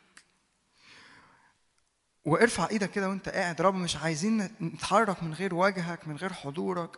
مش فارق معانا أي حاجة تاني مش فارق معانا آيات وعجائب مش فارق معانا فارق معانا وجهك بس. أوقات كتير قلبنا حتى بيتعلق بالآيات والعجائب ومش بقول إن ده يعني غلط أو أنا ضد الآيات والعجائب بالعكس. بس قلبنا بيمسك في الحتة دي. أنا جاي الاجتماع عشان يحصل معجزة. أنا جاي الاجتماع عشان آه، آه، عايز بقى آه، أستقبل بقى ويحصل آيات وعجائب في حياتي ويحصل مجد في حياتي. وكل التركيز عليا أنا على حاصل معايا على استجابات. بس لا ممكن أجي الاجتماع مش فارق معايا ولا أي حاجة غير الرب بس. وأنا باصص على الرب بس هذه كلها تزاد هذه الآيات بتتبع إيه؟ المؤمنين مش إحنا اللي نمشي وراها. فقلبي قلبي لو لو ملتصق بالرب قلبي لو بيحب الرب قلبي لو عطشان بالرب ما فيش أي حاجة تانية هتبقى يعني كتير بقى اتعودنا في الاجتماعات و... وعايزين بقى حاجات بقى اعلن إيمانك ومش عارف بس وده حلو. بس لو قلبي ملتصق بالرب وقلبي جعان وعطشان للرب زي موسى ما ما موسى قال أنا لو قال للرب لو أنت ما طلعتش أنا مش طالع. والرب طلع وكده كده دخلوا. يعني كده كده هتدخل وكده كده هتمتلك وكده كده الآيات والعجائب هتيجي والمجد هيجي. بس بس أنا قلبي فين؟ قلبي في أنهي حتة؟ كلكم عارفين الآيات في سفر أمثال صح أربعة 23 فككل تحفظ احفظ قلبك لأن منه إيه؟ مخارج الحياة. وفي الترجمات كده جاية ينابيع الحياة. يعني الرب الرب بيهتم بقلبك جدا غالي عند الرب قلبك جدا. وهحكي كام حاجة كده إنه تحفظ قلبك. طول الوقت قلبك يبقى بص على الرب. الرب عايز يملأ قلبك وعايز آه، يعني طول الوقت عايز الرب يجي يتعامل معاك بيتعامل مع قلبك. فلو انت فاتح قلبك كده على أي حاجة تاني لو قلبك مليان بأي حاجة تاني لو قلبك مليان بأي دوشة بأي هيتقل. عارفين في حاجات كده يقول لك قلوبكم إيه؟ غليظة. في أنواع كتير للقلوب في الكتاب المقدس ممكن تبقوا تدوروا في البيت بقى. أنواع كتير للقلوب يعني قلوب غليظة في في بطيئة القلوب في- ففي أنواع كتير قوي للقلوب دوروا. بس اللي أنا هحكي فيه إنه تستغلى قوي قلبك وتحفظ قلبك لأنه في حاجة غالية الرب يعملها في قلبك. سفر دانيال. كلكم عارفين الآيات. دانيال واحد.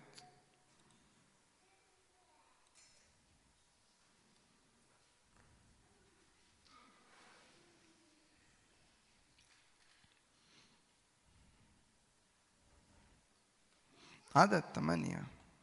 أما دانيال فجعل في قلبه أنه لا يتنجس بأطايب الملك ولا بخمر مشروبه. فطلب من رئيس الخصيان أن لا يتنجس. يعني هنا بحسب خلفية الآيات دي دانيال بيعرض حياته للخطر. يعني بعديها بيقول له بيقول لهم أنتوا كده تدينون رأسي للملك. يعني إيه تدينون رأسي للملك؟ يعني تحطوا رأسي تحت دين كأنه الملك يعني يقطع رأسي. بس وده معناها انه كمان ده يجي على دانيال انه انه دانيال بيعرض حياته كمان للخطر. بس دانيال مش فارق معاه بس جعل في قلبه. و... وأنا يعني أنا ده ده اللي جوايا النهارده انه قلبي ما يكونش زي ابقى زي دانيال جعل في قلبه. استغلى قوي انه استغلى قوي شغل الرب في قلبي واستغلى انه إنه حضور الرب ده حاجة غالية قوي وما كنتش فاتح نفسي كده على أي حاجة. دانيال ما يعني في ناس بقى تقول لك أصل دي القوانين بتاعة البلد وكان لازم يعمل كده. كان ممكن يبرر لنفسه يحط يعني 100 عذر. بس دانيال بقى لا جعل في قلبه. وبحب الآيات بقى في سفر ملاخي اتنين.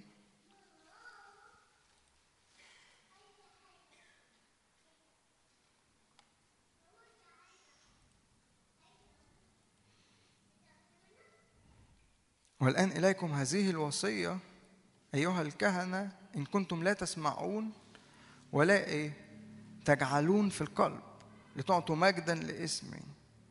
فيقول فإني أرسل عليكم اللعن وألعن بركاتكم بل قد لعنتها لأنكم لستم إيه؟ جاعلين في القلب. لأن قلبكم مش مليان بده قلبكم مش مش رايح ناحية الرب قلبكم قلبكم في حتة تاني عارفين من الناس اللي بحبها قوي في الكتاب اللي يقول وضع في قلبه برضه زي دانيال كده جعل في قلبه وهنا يقول لهم لستم جاعلين في القلب. من الناس دي داوود. ف ف داوود يقول كان في قلبه أن يبني بيت للرب. فالرب راح قال له أحسنت إنه كان في قلبك. ال- إيه اللي بيبقى مالي قلبك؟ إيه ال- يعني و- وأنت في اجتماع زي كده إيه اللي مالي قلبك؟ أنا جاي الاجتماع عشان آه، يحصل أستقبل معجزة من الرب. يعني أمين هتستقبل معجزة من الرب. بس إيه بعد كده؟ بس أنا جاي الاجتماع بقى أنا فارق معايا إن أتقابل مع الرب بس. أقف قدام الرب يا رب أنا بحبك بحب حضورك حضورك هو أغلى حاجة بالنسبة لي. وأقف وأعبد الرب وأسبح الرب وأفرح بالرب وأفرح إن أنا بتقابل مع الرب. ولما أعمل كده هلاقي المعجزة سهلة جدا. حد معايا؟ آمين. ف أول حاجة إنه أحفظ قلبي في الحتة ديت إنه قلبي يكون متعلق بس بالرب. مفيش أي حاجة تاني مالية المشهد مفيش أي الرب بس. يسمو الرب وحده. الرب بس هو اللي يبقى مالي المشهد حضور الرب كده. أفتح عيني من النوم أشبع إذا استيقظت بشبهك. يا رب أحبك بحب حضورك بحب الوقت اللي بقعده معاك عطشان للرب. النوع الثاني اللي أحفظ فيه قلبي إنه إنه قلبي يكون خاضع للرب. يعني قلبي يكون متعلق بالرب وقلبي يكون خاضع للرب. لأنه الرب يستغلى جدا الطاعة. فاكرين شاول وداود؟ يعني شاول لما لما الرب رفضه هو كان فاكر إن هو طاع الرب. فاكر إن هو عمل بقى قال لصمويل أنا عملت اللي أنت قلت لي عليه بالظبط واللي الرب طلبه. بس كان في جزء شاول ما طاعش فيه الرب. والرب لأنه بيبص على القلب فشاف إنه هنا في حاجة مش مظبوطة يعني. ف غالي قوي إنه أحفظ قلبي خاضع للرب طول الوقت.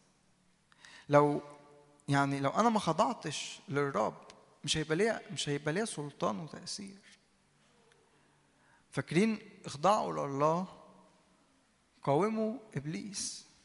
لو ما خضعتش للرب مش هيبقى مش هيبقى ليا سلطان أقف قدام الأرواح الشريرة وإبليس. و... ليه؟ لأن أنا في حتة في الخضوع عندي للرب في حتة في الطاعه عندي مكسورة. ومش بتكلم ع- مش بتكلم الطاعه إنه الطاعة بقى في الحاجات الكبيرة والقرارات الكبيرة ولما أجي مثلا أبقى عايز أسافر فأقعد أصلي أصلي وأعمل لا مش بتكلم في كده. الطاعة حتى في أبسط الحاجات الصغيرة. يع- يعني ممكن تبقى ماشي في شارع الرب يقول لك ما تمشيش في الشارع ده. الرب يستغلى القلب ده جدا. هل قلبي مفتوح إنه يسمع من الرب طول الوقت؟ هل قلبي ولا أنا قافل ودني ممكن مثلا حاجات بسيطة جدا بعملها في اليوم بتاعي عادي جدا. بس ألاقي الرب يقول لي ما تعملش حاجة دي. أبقى مثلا آه، رايح آكل مثلا الرب يقول لي استنى ما تاكلش دلوقتي. هل هطيع مثلا الرب في الوقت دوت؟ عشان كده مهم إنه أحفظ قلبي. قلبي يبقى خاضع للرب طول الوقت. فاكرين لما تعالوا طيب نطلعها لقا سبعة.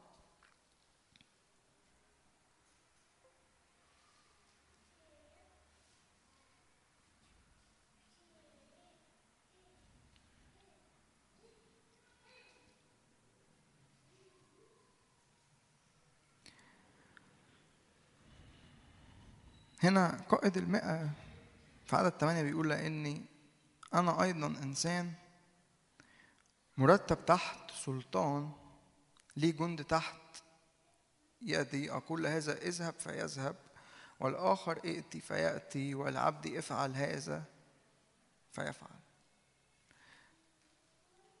هنا يعني بيقول إيه؟ أنا أنا مرتب تحت سلطان فالنتيجة إنه ليا جند أقول لدوت أعمل ففي سلطان خارج مني. لو أنا مش تحت السلطان دوت لو أنا ما حطيتش نفسي تحت السلطان دوت إنه بخضع للرب طول الوقت إنه طول الوقت قلبي عنده استعداد إنه يطيع الرب ايا كان الثمن مش هيبقى خارج مني سلطان. ايا كان الثمن يعني. أطيع الرب كده بلا تحفظات. دي الجملة اللي جت جوايا. بلا تحفظات. ما اقعدش بقى أقول اصل لو عملت كده ممكن الناس تتفهم كده والناس تتضايق لا اطيع الرب للاخر. الرب يدور يعني لو انت عايز في بقى نهضة تحصل في حياتك مختلفة وتختبر مجد الرب بشكل ما اختبرتوش قبل كده ده المشاركة دي ليك. لأنه الرب الحاجات البسيطة تقول لي هو بيفرق مع الرب الحاجات البسيطة دي؟ ده, ده هي الحاجات دي هي اللي بتفرق مع الرب. يعني ممكن أخدم خدمة كبيرة جدا و... ويبقى في ثمر كتير جدا بس الرب يقول لي حاجة بسيطة كده وما كنتش خاضع فيها للرب. يقول لي مثلا استنى روح حكي مع فلان. وأنا ما أعملش دوت. ف... فكأنه الخدمة بتاعتي دي قدام الرب خشب وقش وعشب بتتحرق. الرب الرب مش بيفرق معاه آه كتر الإنجازات اللي أنا بعملها. الرب يفرق معاه الإنجازات اللي أنا بعملها بس في حضوره. الرب يفرق معاه الإنجازات اللي بعملها وقلبي ملتصق بيه وقلبي. هو ده هو ده اللي يفرق مع الرب. هو ده اللي يجذب انتباه الرب.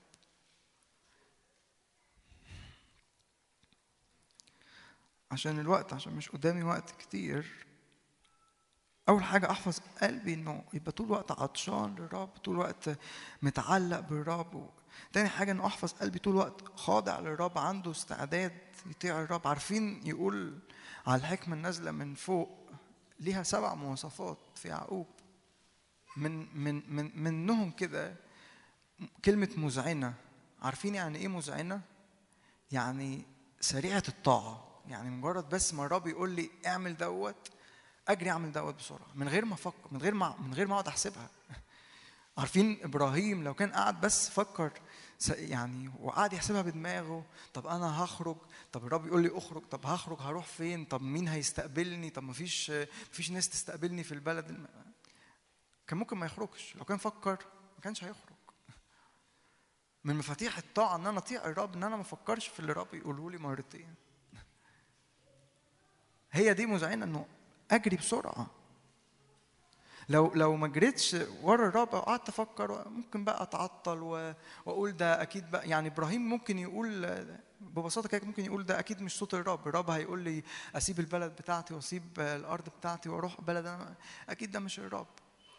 وكان عنده برضو اعذار كتير يعني هو ما كانش ما كانش من عيلة بتعبد الرب واهله ما كانوش بيعبدوا الرب ف فيقول يعني مين بقى الرب دوت و...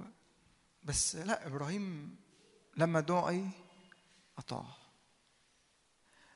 تالت حاجة إنه أحفظ قلبي طول الوقت يكون قابل إن هو يتشكل. ده ده مفتاح مهم قوي مع الرب. وبحس إنه من كتر بقى ما متعودين بقى نسمع بقى كلام كبير ونحضر أوقات عبادة فنحس إن إحنا كبرنا مع الرب فكبرنا على التشكيل. فنوصل لحتة كده أنا مش محتاج أتشكل. لا دي كذبه ده طول ما أنا ماشي مع الرب لحد ما أقابل الرب في نهاية حياتي الرب يفضل يشكلني. لو الرب في وقت بطل يشكلني ده معناها إن هو فقد الأمل فيا. لكن و و يعني بحس كده إنه لما بنجيب سيرة التشكيل أقول لحد الرب بيشكلك الاقيه اكتئب كده وزعل و... بس إيه؟ بالظبط أيوه. لو لو حد قال يعني أنا لو لو رب بيشكلني فأقف كده وأقول رب بيشكلني وأنا فرحان زي ما أختي بتقول. أبقى فرحان ان الرب بيشكلني. ليه أبقى فرحان؟ لأنه لو لو الرب بطل يشكلني خلاص هو فقد الأمل فيا. لكن معنى إيه إن هو بيشكلني طول الوقت؟ إنه عايز يخليني شبه يسوع عمال يطلع فيا صورة يسوع أكتر وأكتر وأكتر. ولو قلبي خاضع للرب هيكون خاضع إنه يتشكل بسهولة قدام الرب. يعني مش عارف بحس كده كتير قوي إنه تيجي تقول لحد الرب يشكلك فيحط إيده على خده كده الرب يشكلني بقى فده وقت صعب. لا ده أنا أفرح لإنه الرب يطلع فيا صورة صورة يسوع. إنه هطلع بقى بلمع أكتر ومجد الرب يبان في حياتي أكتر وأكتر. طول الوقت بتغير إلى تلك الصورة عينها. بس لو وقت فقدت دوت كده وقلت الحتة أنا مش محتاج تشكيل كأني بقول للرب أنا مش عايز أبقى شبه يسوع. تعالوا طيب نطلع آيات كده. آيات كلكم عارفينها أرمية 18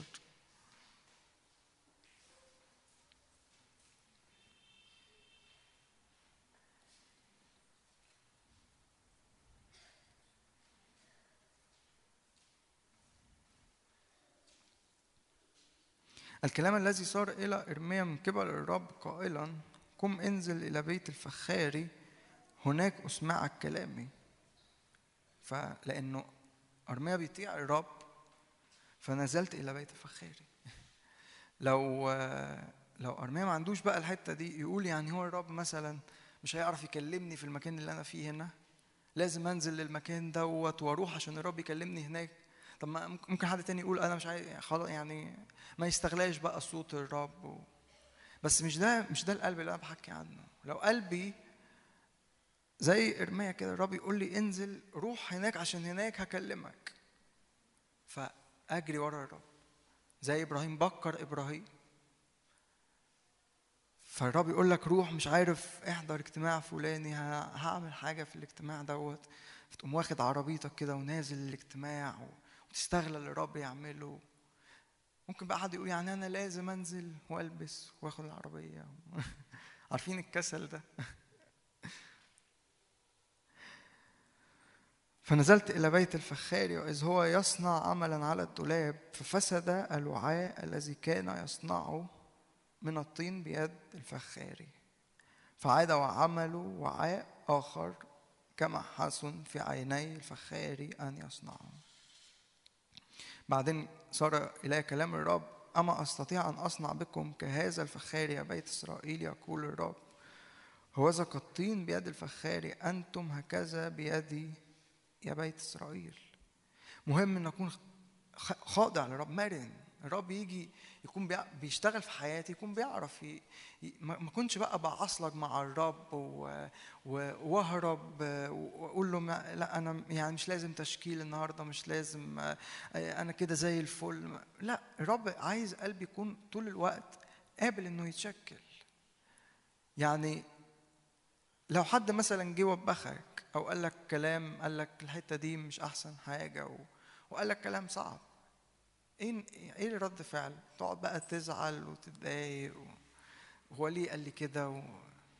ولا تفرح بقى ده يعني تقول ده آه أنا ده ما كانش في قلب الرب فكويس إن أنا عرفت ده عشان أنا أكون حسب قلب الرب للآخر وأكون شبه الرب للآخر. آمين؟ فنبقى زي الف- الفخاري يعني نبقى زي الخزف دوت في يد الفخاري يعرف بقى يشكل و... ويعمل لي الصورة اللي هو عايزها هو مش الصورة اللي أنا اللي أنا عايزها. أوقات كتير بقى لما اللي هو نتحمس كده زيادة نحس إنه آه، أنا باني صورة لنفسي كده و... وأنا ماشي مع الرب وقدام شوية هبقى في الصورة ديت و... لا ما تحطش صورة للرب ما, تسي... ما... ما تحطش شكل للرب إنه يشتغل في حياتك. سيب الرب هو هو يشكل هو ويطلعك الشكل اللي هو عايزه. يطلعك نفس الشكل بتاع يسوع. انت مش هتعرف تطلع الشكل ده بنفسك. مش هتعرف تطلع الشكل دوت بذكائك بحكمتك ب... ب... لا. لكن لو انت لو انت ماشي مع الرب خطوة خطوة بتطيع الرب خطوة خطوة ده يخليك ان انت عارف تشكل بسهولة طول الوقت. فالرب يحطك في الحتت اللي تكبر فيها اللي تبقى بحسب الصورة اللي في قلب الرب. يعني مثلا في ناس تفتكر بقى إنه هقعد أقرأ كتب كتير كتير كتير فهبقى شبه الرب مثلا هبقى في الصورة دي. بس مش ده اللي الرب عايزه مش وأنا مش ضد القراية بالعكس القراية حلوة جدا. بس أنا ماشي مع الرب فأجي كده قدام الرب يا رب عايزني مثلا أعمل إيه الوقت ده؟ فالرب يكونني لكتاب أقراه. آمين. يسحب في كتاب تاني آمين. يقول لي الوقت ده مثلا ما تقراش كتب خالص. اقعد قدامي وأنا عايز حاجة تتسكب جواك من غير مثلا يعني ما تحطش الشكل للرب. مش لازم يعني ممكن النهارده قريت كتاب ممكن بعد شهر الرب خدني وقت صوم ممكن بعد شهرين آه، الرب علمني إنه أسجد قدامه وأقعد قدام الرب أوقات طويلة وأعبد الرب وأرفع إيدي فما تحط سيب نفسك للروح إن هو اللي يقودك.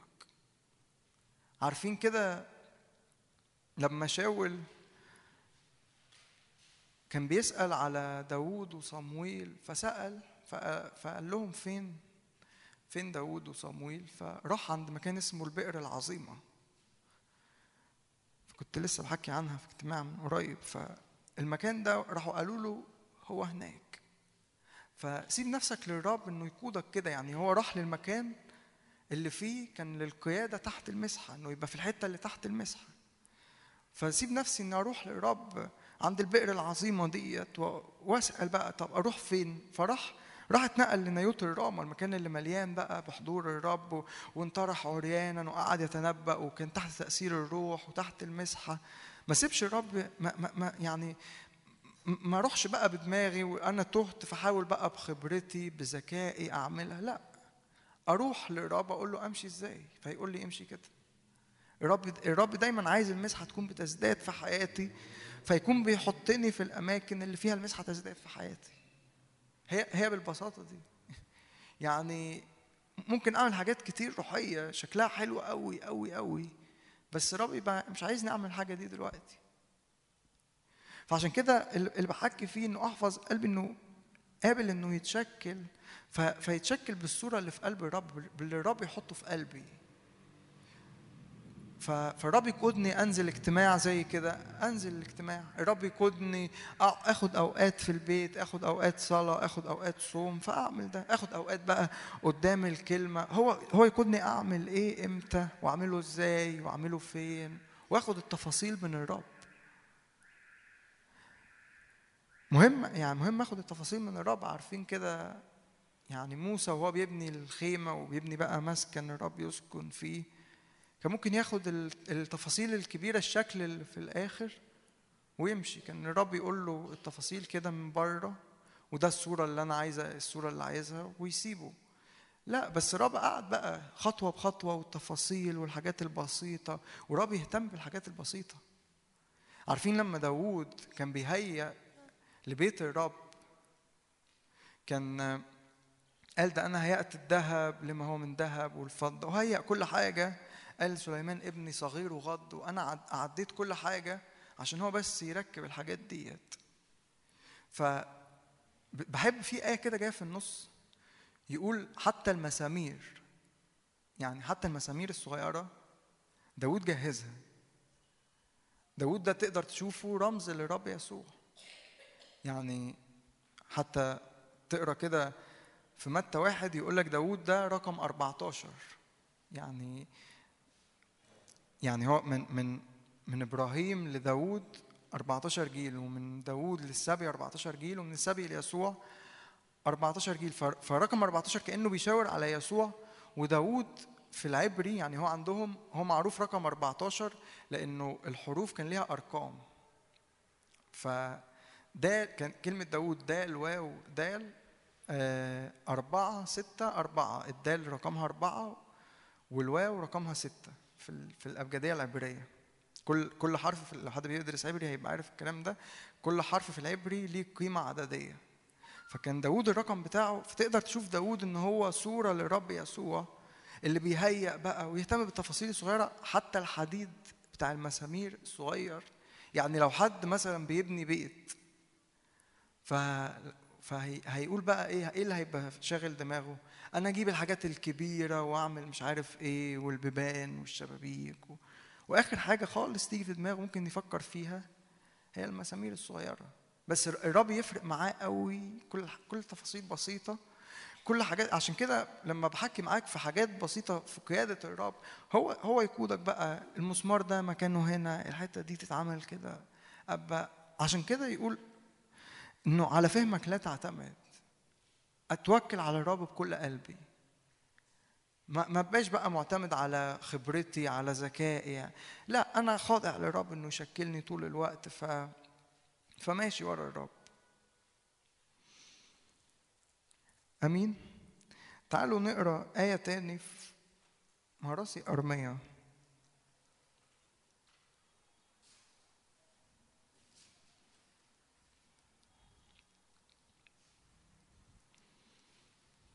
زي ما بولس كان بيقول كده إنه إحنا آه من بره أواني خزفية بس في جوه كنز. وعلى قد ما أكون خاضع للرب إن هو يشكل الخزف بتاعي على قد ما الكنز اللي جوه يكون بيبان أكتر. ففي مراسي أرمية عدد صح أربعة عدد واحد يقول كيف اجدر الذهب؟ يعني اللون بتاعه اتغير. تغير الإبريز الجيد انهالت حجارة القدس في رأس كل شارع بنو صهيون الكرماء الموزونون بالذهب النقي. كيف حسبوا أباريق خزف؟ عمل يدي فخاري. يعني الصورة اللي في قلب الرب لب- لبيت إسرائيل دولت إن هم ذهب نقي. فالصورة اللي في قلبك الرب يبص على قلبك يبص على الكنز اللي جوه. بس لأن هم قلبهم مش في الحتة ديت. فاللي بقى باين من بره بس مجرد الخزف اللي مليان ضعف. بس المشجع قوي إنه حتى الخزف بتاعك ده حتى لو تقول لي أنا في ضعف في حياتي حتى الضعف بتاعك دوت ما يعطلش إنه المسحة تكون بتنسكب في حياتك. عارفين بحب الآيات اللي داود قالها يقول أنا اليوم ضعيف بس ممسوح ملك. ايا كان بقى الضعف بتاعي ايا عندي تحديات عندي ضعفات الخزف بتاعي أنا في القشرة بس في كنز جوه. أنا ضعيف آه بس ممسوح ملك في مسحه على حياتي. أمين؟ أحفظ نفسي متعلق بحضور الرب وأحفظ نفسي طول الوقت خاضع للرب وأحفظ نفسي إنه الرب يشكلني طول الوقت فالذهب بتاعي اللي جوه الكنز اللي جوه دوت يبان ما يبقاش مجرد آه، آه، الخزف حاجة كده. أصل هنا الخزف باين في مراسي أرمية بس يعني ما فيش بقى ذهب وكنز. إيه لأنه عادي. عارفين لما شمشون قال أضعف وأصير كأحد الناس؟ عادي. ما فيش بقى ما فيش روح الرب ما فيش عمل للروح.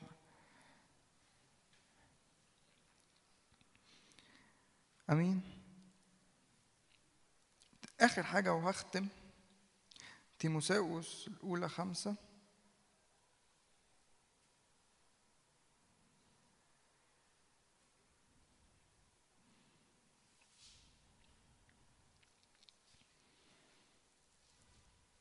عدد 22 بولس بيقول لتيموساوس كده احفظ نفسك طاهرا. وفي سفر العدد مش هنطلعها بس لو حابين تكتبوا الشاهد عدد 19 15 بيقول إنه كل إناء ما لهوش سداد بعصابة حاجة قافلاه ده بيعتبر نجس. لو أنا سايب قلبي بقى مفتوح طول الوقت آه، آه، على أي حاجة لو آه، لو لكن ابقى زي دانيال. دانيال جعل في قلبه لا يتنجس. ابقى قافل الإناء بتاعي. ما ما سيبش بقى قلبي كده أعمل أي حاجة زي ما باقي الناس بتعمل زي ما العالم بيعمل. لا لكن قلبي م- يبقى حافظ قلبي للرب. قلبي مت- متغلف كده في حضور الرب. فيعني أوقات كتير بسبب ممكن يعني حتى يبقى في في انطباعات ناس كده أو أو في دماغهم إنه يعني عادي ممكن أعمل بقى اللي أنا عايزه. أصل إحنا في النعمة. أصل إحنا ما بقيناش تحت الناموس. لأ.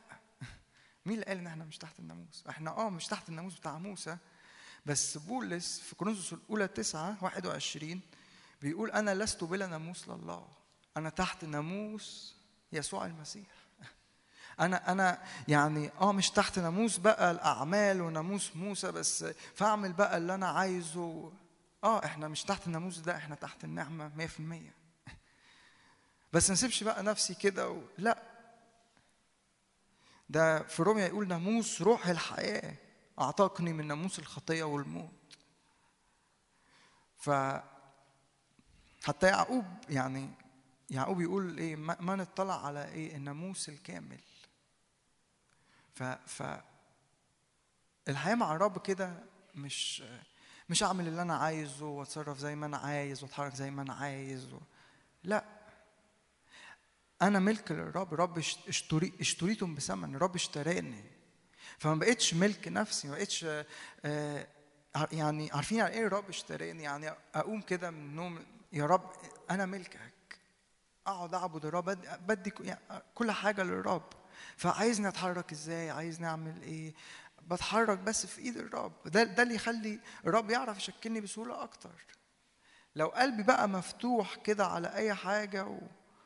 ف ده يعطل الرب إنه يشتغل في حياتي. أوقات كتير بناخدها كده بايه بالفهلوة اللي هو أنا هخلي الرب يشتغل في حياتي عافية.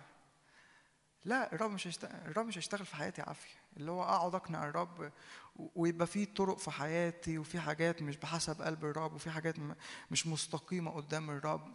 واجي قدام الرب اقنع الرب ان هو أو احاول اخدع نفسي و... لا الله لا يشمخ عليه. الرب مش بيضحك عليه انه أجي اعمل اي ويبقى يعني كتير قوي مع مع وسط كل ده كده في حاجات مبادئ كده اتشوهت جوانا انه مش فارق معايا بقى امشي باستقامة وقلبي يبقى ماشي مع الرب بس فارق معايا إنه يبقى عندي مواهب وعندي مسحة وعندي مش عارف إيه. هما الاتنين مربوطين ببعض.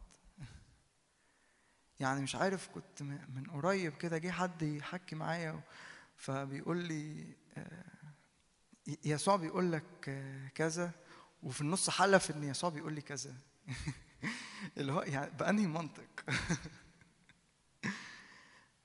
لو لو أنا قلبي فعلا يعني أنا فاتح قلبي إنه إنه يستقبل كلمات الرب ويستقبل عمل للرب و- ويستقبل في مسحة هنا وفي حاجة منسكبة هنا ونيران الرب هنا فأبقى أنا بالكامل للرب. حد معايا؟ فأوقات كتير من يعني بقى تركيزنا على حاجات تاني إنه عايز بقى أستقبل كلام علم. أنا لو وصلت لمرحلة كلام العلم ابقى خلاص كده يا أرض تشقي وبلعيني. لا الرب يبص على قلبي. قلبي متعلق بيه ولا لا؟ وأنا ما وأنا مع الرب بقى هيديني بقى كلام علم وهيديني كل الحاجات دي ومش هيبقى فارق معايا. عارفين موسى ما كانش فارق معاه إن جلد وجهه يلمع ما كانش ما كانش واخد باله أصلا. وأنا ماشي مع الرب هو يعمل فيا وهو يسكب فيا. بحسب الصورة بتاعته بحسب اللي هو شايفه ليا أنا ماشي مع الرب خاضع للرب للآخر. أمين؟ فأحفظ نفسي أحفظ قلبي متعلق بحضور الرب أحفظ قلبي خاضع للرب أحفظ قلبي إنه يكون قابل طول الوقت انه الرب يشكله وأكون أحفظ نفسي طاهر منفصل كده حاطط قافل الإناء بتاعي لأنه في كنز جوه. ما كنتش بفرط في الكنز دوت. أمين؟ عارفين حد من رجال الرب كده بيل جونسون دايما يقول إنه لو لو في فوق راسك تخيل إنه في حمامة فوق راسك بجد هتبقى طول الوقت ماشي عمال بقى كل تفكيرك في الحمامة دي عشان ما ما تطيرش محوط عليها كده ما- مش مش عايز تتحرك أي حركة مش عايز تخطي أي خطوة كده فلحسن تلاقيها مرة واحدة اتفزعت وطارت لأ هتبقى حريص جدا. ف وأنا وأنا- لو أنا عايز ان الروح القدس يغطي حياتي وحياتي تتملي بالمجد وأبقى متحرك طول الوقت تحت المسحة تحت الروح القدس لازم قلبي يكون في الحتة دي قلبي يكون في في تواصل في الحتة متواصل بالسماء. السماء على الأرض ما في ما فيش فاصل ما فيش فاصل بين حياتي العملية وبين اللي بعمله وبين إنه باجي الاجتماع لا طول الوقت قلبي عطشان طول الوقت قلبي بيحب الرب آمين. تعالوا نقف كلنا مع بعض.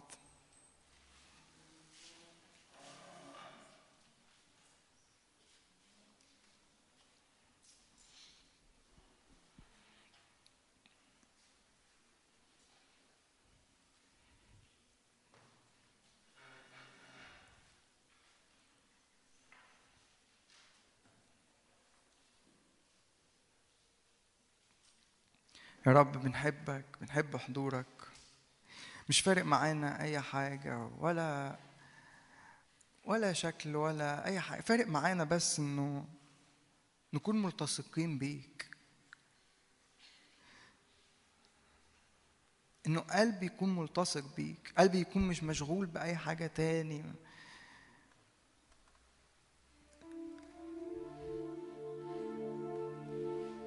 بنحط نفسنا يا رب قدامك خاضعين يا رب ليك.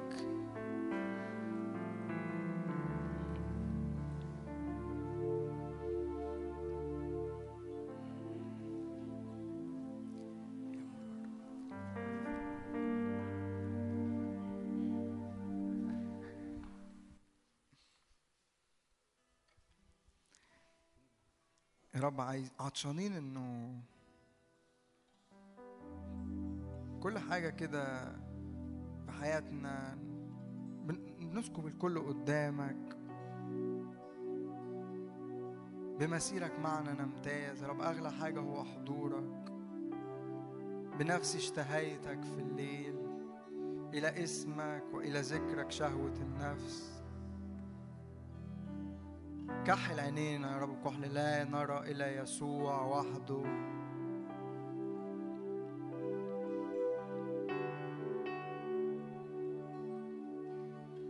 لا نرى إلا يسوع وحده.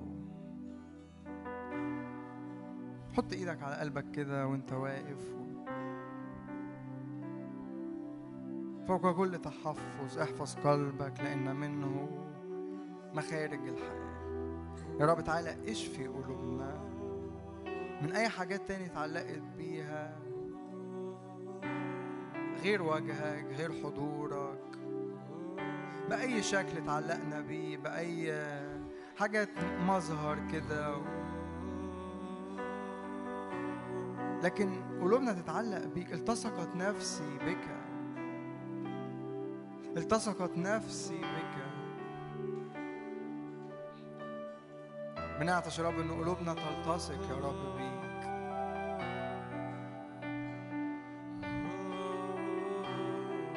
بمسيرك معنا نمتاز زي موسى كده. قلوبنا ما تتعلقش. مش فارق معانا أنت تحقق الوعد ولا ما تحققوش. فارق معانا إن وجهك يسير. إحنا ماشيين معاك الرحلة خطوة بخطوة. فارق معانا في الرحلة بنستغلى الرحلة جدا لأنه أنت ماشي معانا فيها. مش فارق معانا إمتى بقى نوصل ونوصل إزاي؟ لا فارق معانا انه إحنا ماشيين وراك. مش فارق معانا نروح فين أصلا. إبراهيم خرج وهو لا يعلم إلى أين يأتي بس خرج ورا الرب. كل فارق معانا يا رب إحنا ماشيين وراك. عشان كده موسى يقول عرف موسى طرقه. أما بني إسرائيل أفعاله. موسى موسى التصق بالرب عرف طرق الرب. يا رب عايزين نعرف اللي في قلبك عايزين نعرف طرقك مش عايزين نعرف أفعالك. وكده كده لما لما تعرفنا طرقك لما وجهك يسير أفعالك بتسير والآيات دي بتتبعنا. فمش فارق معانا أي حاجة يا رب غير نتعلق بحضورك. بدوني لا تقدروا أن تفعلوا شيء. مش بنعرف نجيب ثمر من نفسنا لكن أنت أنت اللي بتطلع فينا الثمر دوت. اخترتكم أقمتكم لتأتوا بثمر ويدوم ثمركم.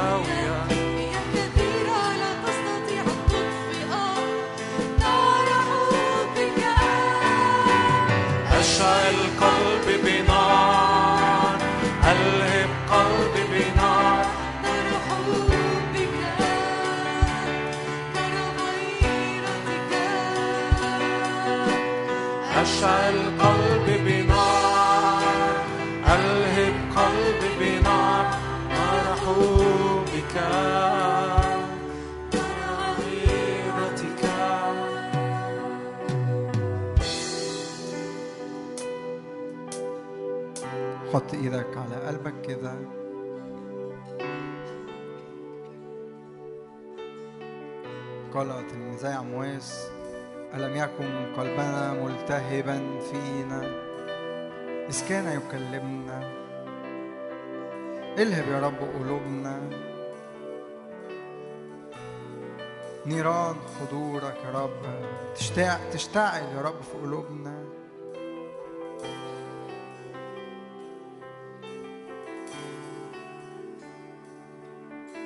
أما دانيال فجعل في قلبه أنه لا يتنجس كان داود كان في قلب داود أنه يبني بيت للرب. والرب قال لهم لأنكم مش جاعلين في القلب. هيبقى في بقى مش هيبقى في بركة و...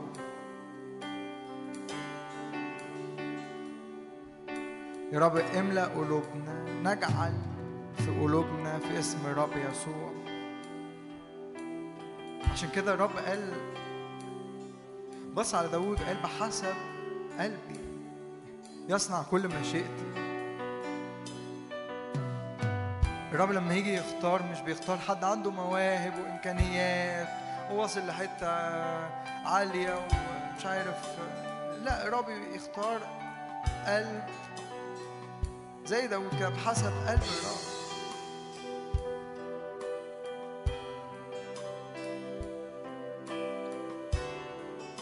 قلب عطشان للرب قلب بيحب الرب قلب فارق معاه بس حضور الرب فبنى جاب الخيمة خيمة داوود. وحطها جنبه أي أي وقت كده يقوم رايح الخيمة. كانت خيمة بالمناسبة خيمة داوود ديت بره كل الإمكانيات وبره كل ال- البوكس اللي محطوط والدار الخارجية والقدس وقدس الأقداس بتاع خيمة الاجتماع. لا كانت عبارة عن التابوت وكل الشعب حوالين التابوت. داود بقى ما خافش من من حضور الرب ما خافش إنه يقربوا من التابوت إنه يعبدوا يسبحوا لأنه قلب داود حسب قلب الرب.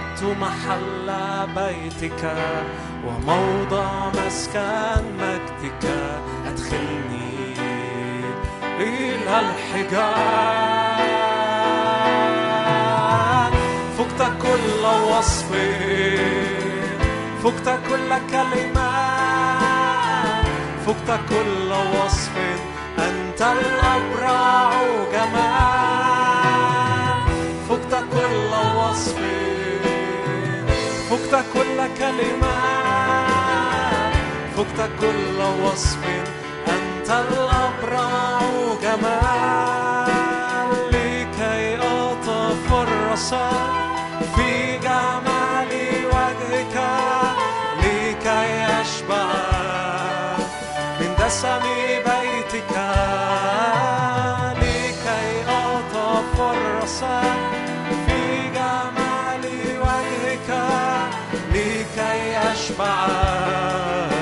من دسم بيتك. أنت من تحب نفسي. أنت من تحب نفسي. أنت من تحب نفسي. يا يسوع. أنت من تحب نفسي. أنت من تحب نفسي. أنت من تحب نفسي.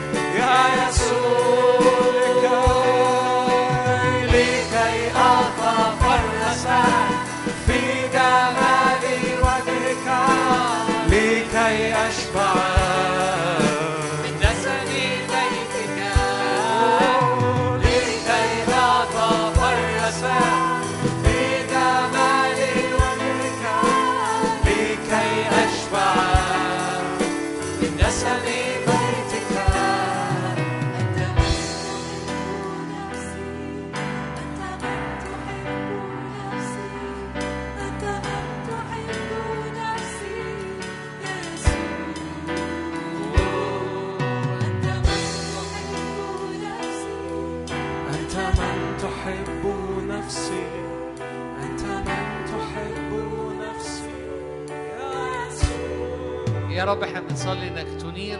يا رب تشرق بنور وجهك. يا رب علينا. تشرق بنورك على على على وجوهنا. يا رب فوجوهنا تشرق أو تنور. يا رب وتبقى جميلة وتبقى مبتسمة وتبقى منورة. يا رب تعالى علينا. اشرق يا رب علينا بنورك. يا رب واملانا بال بالرضا وبالشبع. وبال بالسرور. يعني فعلا ده ده مالي قلبي قوي إنه الرب يتراءى لكل حد فينا إن الأسبوع ده يبقى فيه أوقاتك مع الرب تبقى كأنك بترى نوره فبتنور. وجهك بيلمع وابتسامتك بتبقى ملياك ومليان فرحة ومليانة شبع ومليان راحة ومليان تمتع. تمتع. تمتع بيه. تمتع بيه وشبع بيه. لأن الرب مشبع. حلق وحلاوة وكله مشتهيات. يا رب من, من بيت الرب باركناكم. يا رب تعالى ببركتك على كل حد فينا. يقول الكتاب كده رجع داود إلى بيته. كان مليان بركة وبارك بيته. يا رب آه، ب- تروحوا محمولين أو نروح كلنا محملين بركات. محملين بركات. وتباركوا آه، بيتكم بيوتكم وتباركوا آه، الناس اللي عايشة معاكم وتباركوا قواتكم وتباركوا حياة يعني كل مكان تدوسوا بدون أقدامكم يبقى مليان آه، آه، يقطر دسما زي الرب. أثاركم و- وحركتكم وحركتنا تقطر دسما في اسم يسوع. يا رب ادينا أسبوع آه، آه، في يسوع يتراءى. ومرة تانية آه، قضي أوقات مع الرب وقضي أوقات مع الكلمة وقضي أوقات مع كتب روحية وقضي أوقات في العبادة. ويعني اتنقع في الرب اتنقع في الزيت اتنقع في الحضور عشان عشان تبقى نضر وتبقى مليان نور. آمين؟ آمين.